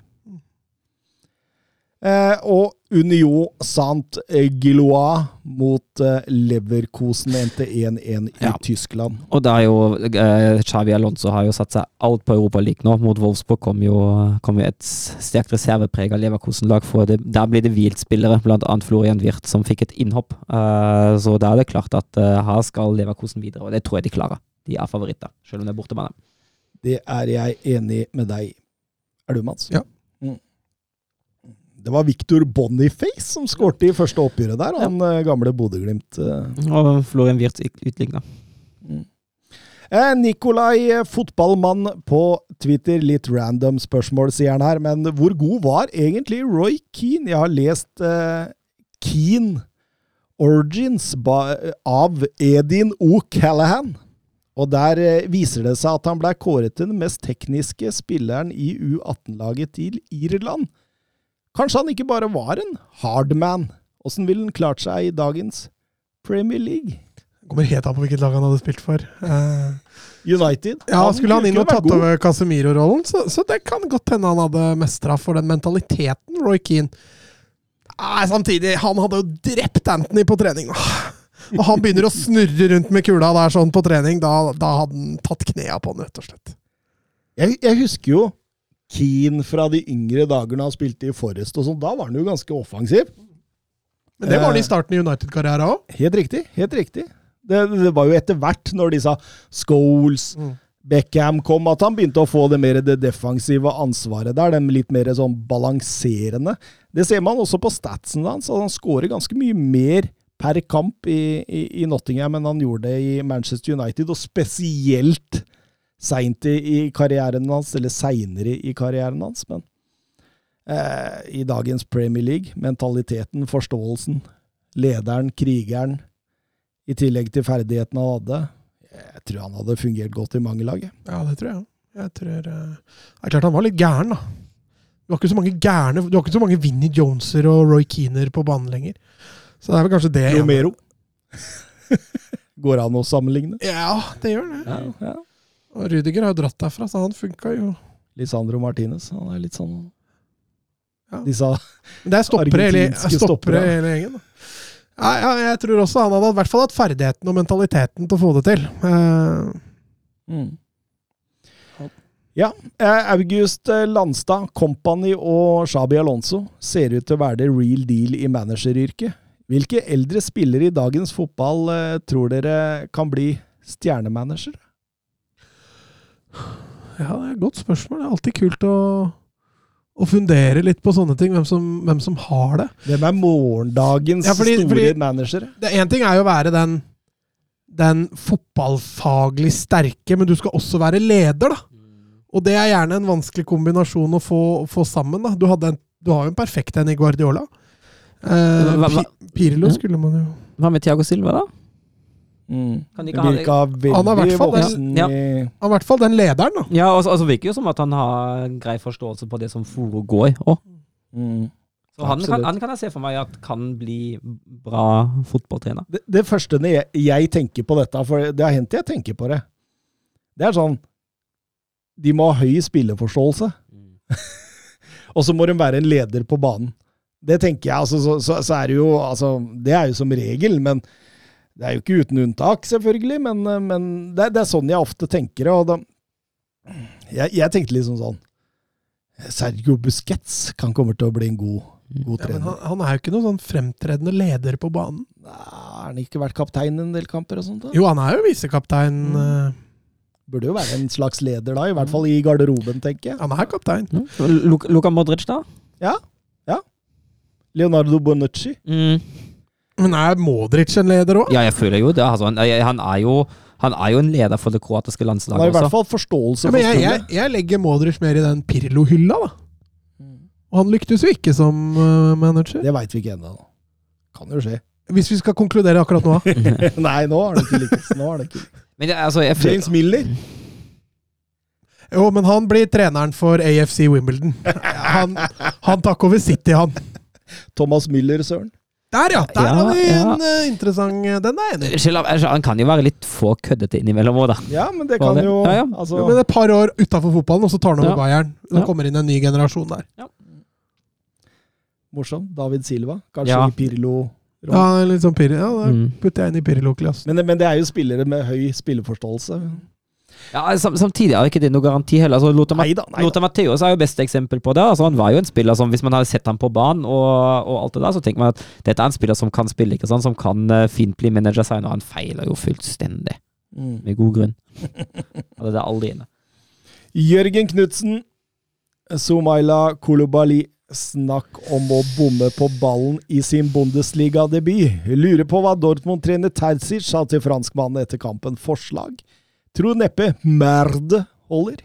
Nei, Cæsar har jo uttalt seg om den situasjonen i etterkant, og han mener egentlig at han er misfornøyd med forsvarsoppførselen til hele laget. Han mener at det er en del feil at eh, Bellingham går ut i press, og han får ikke støtte fra sentrum, så vinner Stuttgart spillet, så følger man ikke godt nok med der, så går folk feil vei, Stoppene går ut, eh, bekken går inn, og, og alt det der. Men det er jo klart at det er jo stakkars Kolibali som slår over ballen, som muliggjør det hele helt. Eh, Men uh, Terzic var så veldig tydelig, i hvert fall eh, i intervjuene, at eh, han skal ikke bli syndebukk. Eh, og jeg tror egentlig det er riktig approach. Eh, altså, det er jo det er jo Så, så, så, så, så han sier ikke Crane el Gratron, eller Fesses eh, Peldantes, eller eh, Amator.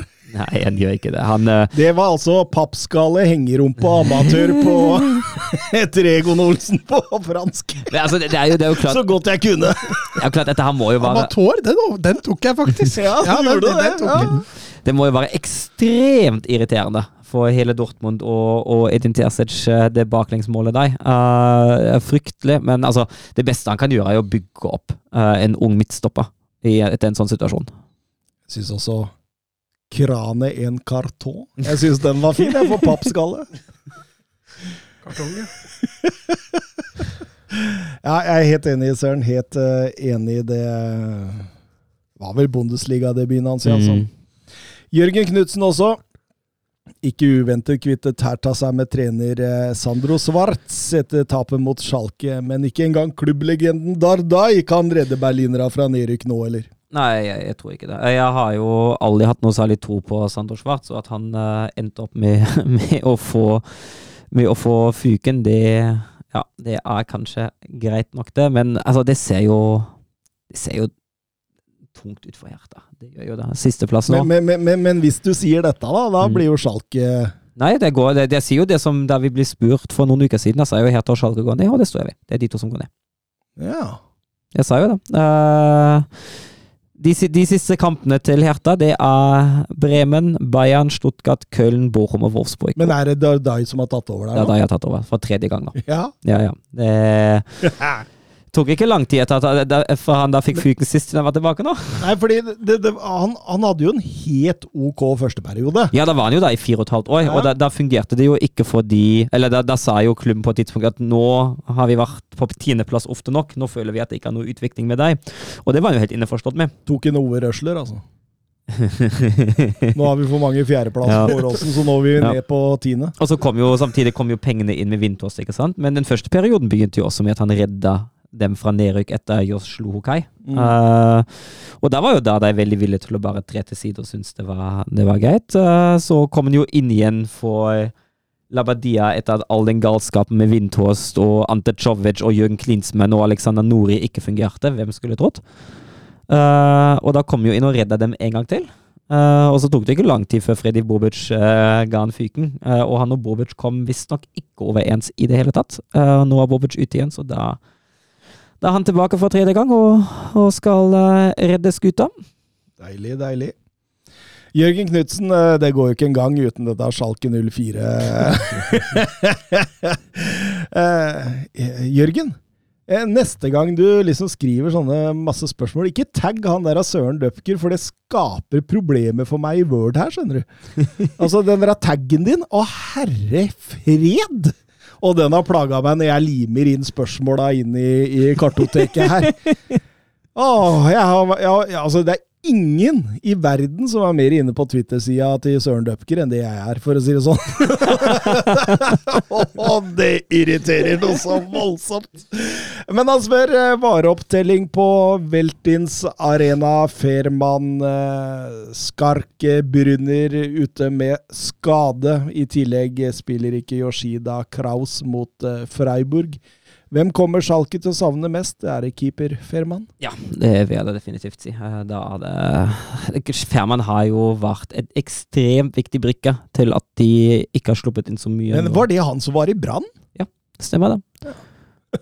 Stemmer, og han var jo en sesongen som andrekeeper bak Alexander Svolo. Eh, og så blir det foretatt et bytte. Uh, var vel un under VM-pausen at uh, Reisa nei, nå står Femann, og siden har det gått betraktelig bedre defensivt. òg. Uh, det er tunge fravei, uh, og Freiburg borte det blir ikke en enkel kamp for Schalke. Den blir knalltøff, og jeg syns det er en stor svekkelse at Femann er ute for. Han har, han har virkelig hatt en veldig veldig god vårsesong. Kan jo sies at Det som er viktig for Schalke, er at Jens nå var tilbake. Moritz Jens stoppa han mot Hertha. Ja, årets Jens. Moritz Jens. At han, er, Har du ikke fått med Kåre Årets Jens i Tyskland? at, han er, at han var tilbake mot Hertha, og nå også spiller mot Freiburg igjen etter at han har vært ute med skade, det er veldig viktig for Schalke og det defensive der. Årets Jens. Eh, Det er bare Bundesliga for det kåres. Det er bra du har kontroll på Bundesliga der. um, bra, Søren. Bra. Du er dyktig. Takk. Kan ikke få sagt det nok ganger. Som programleder må jeg være med og bygge opp. Du òg, Mats. Ja, du, det sa du bare fordi du måtte. Du er også dyktig, Det, det tok jeg ikke, det tok jeg ikke, tok jeg ikke seriøst engang. Fine Jørgen Halvorsen. Hakimis skilsmisse må vel med, og så har han lagt med fire latter-emojis etterpå der. Ja, kan Skal jo ærlig innrømme at jeg har ikke satt meg veldig godt inn i det, men jeg skjønner han sitter ganske godt i det sånn rent økonomisk pga. skilsmissen med, med den spanske kjæresten sin. Ja, altså eh, Angivelig skilsmisse. Kona stevner han for halve formuen. Det går til retten. Viser seg at Hakimi, i skjul, har eh, satt bort 90% av alt han eier til sin mor. Denne kona selv, da. Hun eh, får jo ikke så særlig mye ut av dette. Eh, Men hun eier jo noen leiligheter og er ganske velstående selv, så da har Kimi blitt dømt til å, å, å få halve hennes formue. det skal sies at det er en marokkansk advokat som har vært ute i mediene nå og sagt at eh, vet du hva, dette er nærmest umulig å, å, å gjennomføre, og, og, at det skal være en historie som kanskje har blitt dratt på litt, dette her, da. Eh, men uh, i så fall er det well played, er det det du kan si? Men, men er det lovlig? Altså, ting du tjener mens du er gift, og så bare setter du det bort, og så er det ikke ditt lenger? Du kan jo ta særavtaler og alt mulig rart. Ja, det skjønner jeg. Det Men er han det kan jo mulig ha- hatt verdiene da? Kan jo ha hatt uh, særavtale Nei, da, jeg, jeg, jeg, jeg Særavtale med mor si? Ja. jeg kjenner jeg er ikke i nærheten av kompetanse til å ta i gang en diskusjon på det Men der. det er en ganske artig historie, da. Det Mm. må sies, selv om på en måte at skilsmissen er jo som et resultat av at han har vært utro. Så det, Og er han ikke voldtektsanklaga? da? Ja, han har vel Eller- vært det, i hvert fall. eller er det ikke- er det ikke Jeg veit ikke åssen den saken ligger an.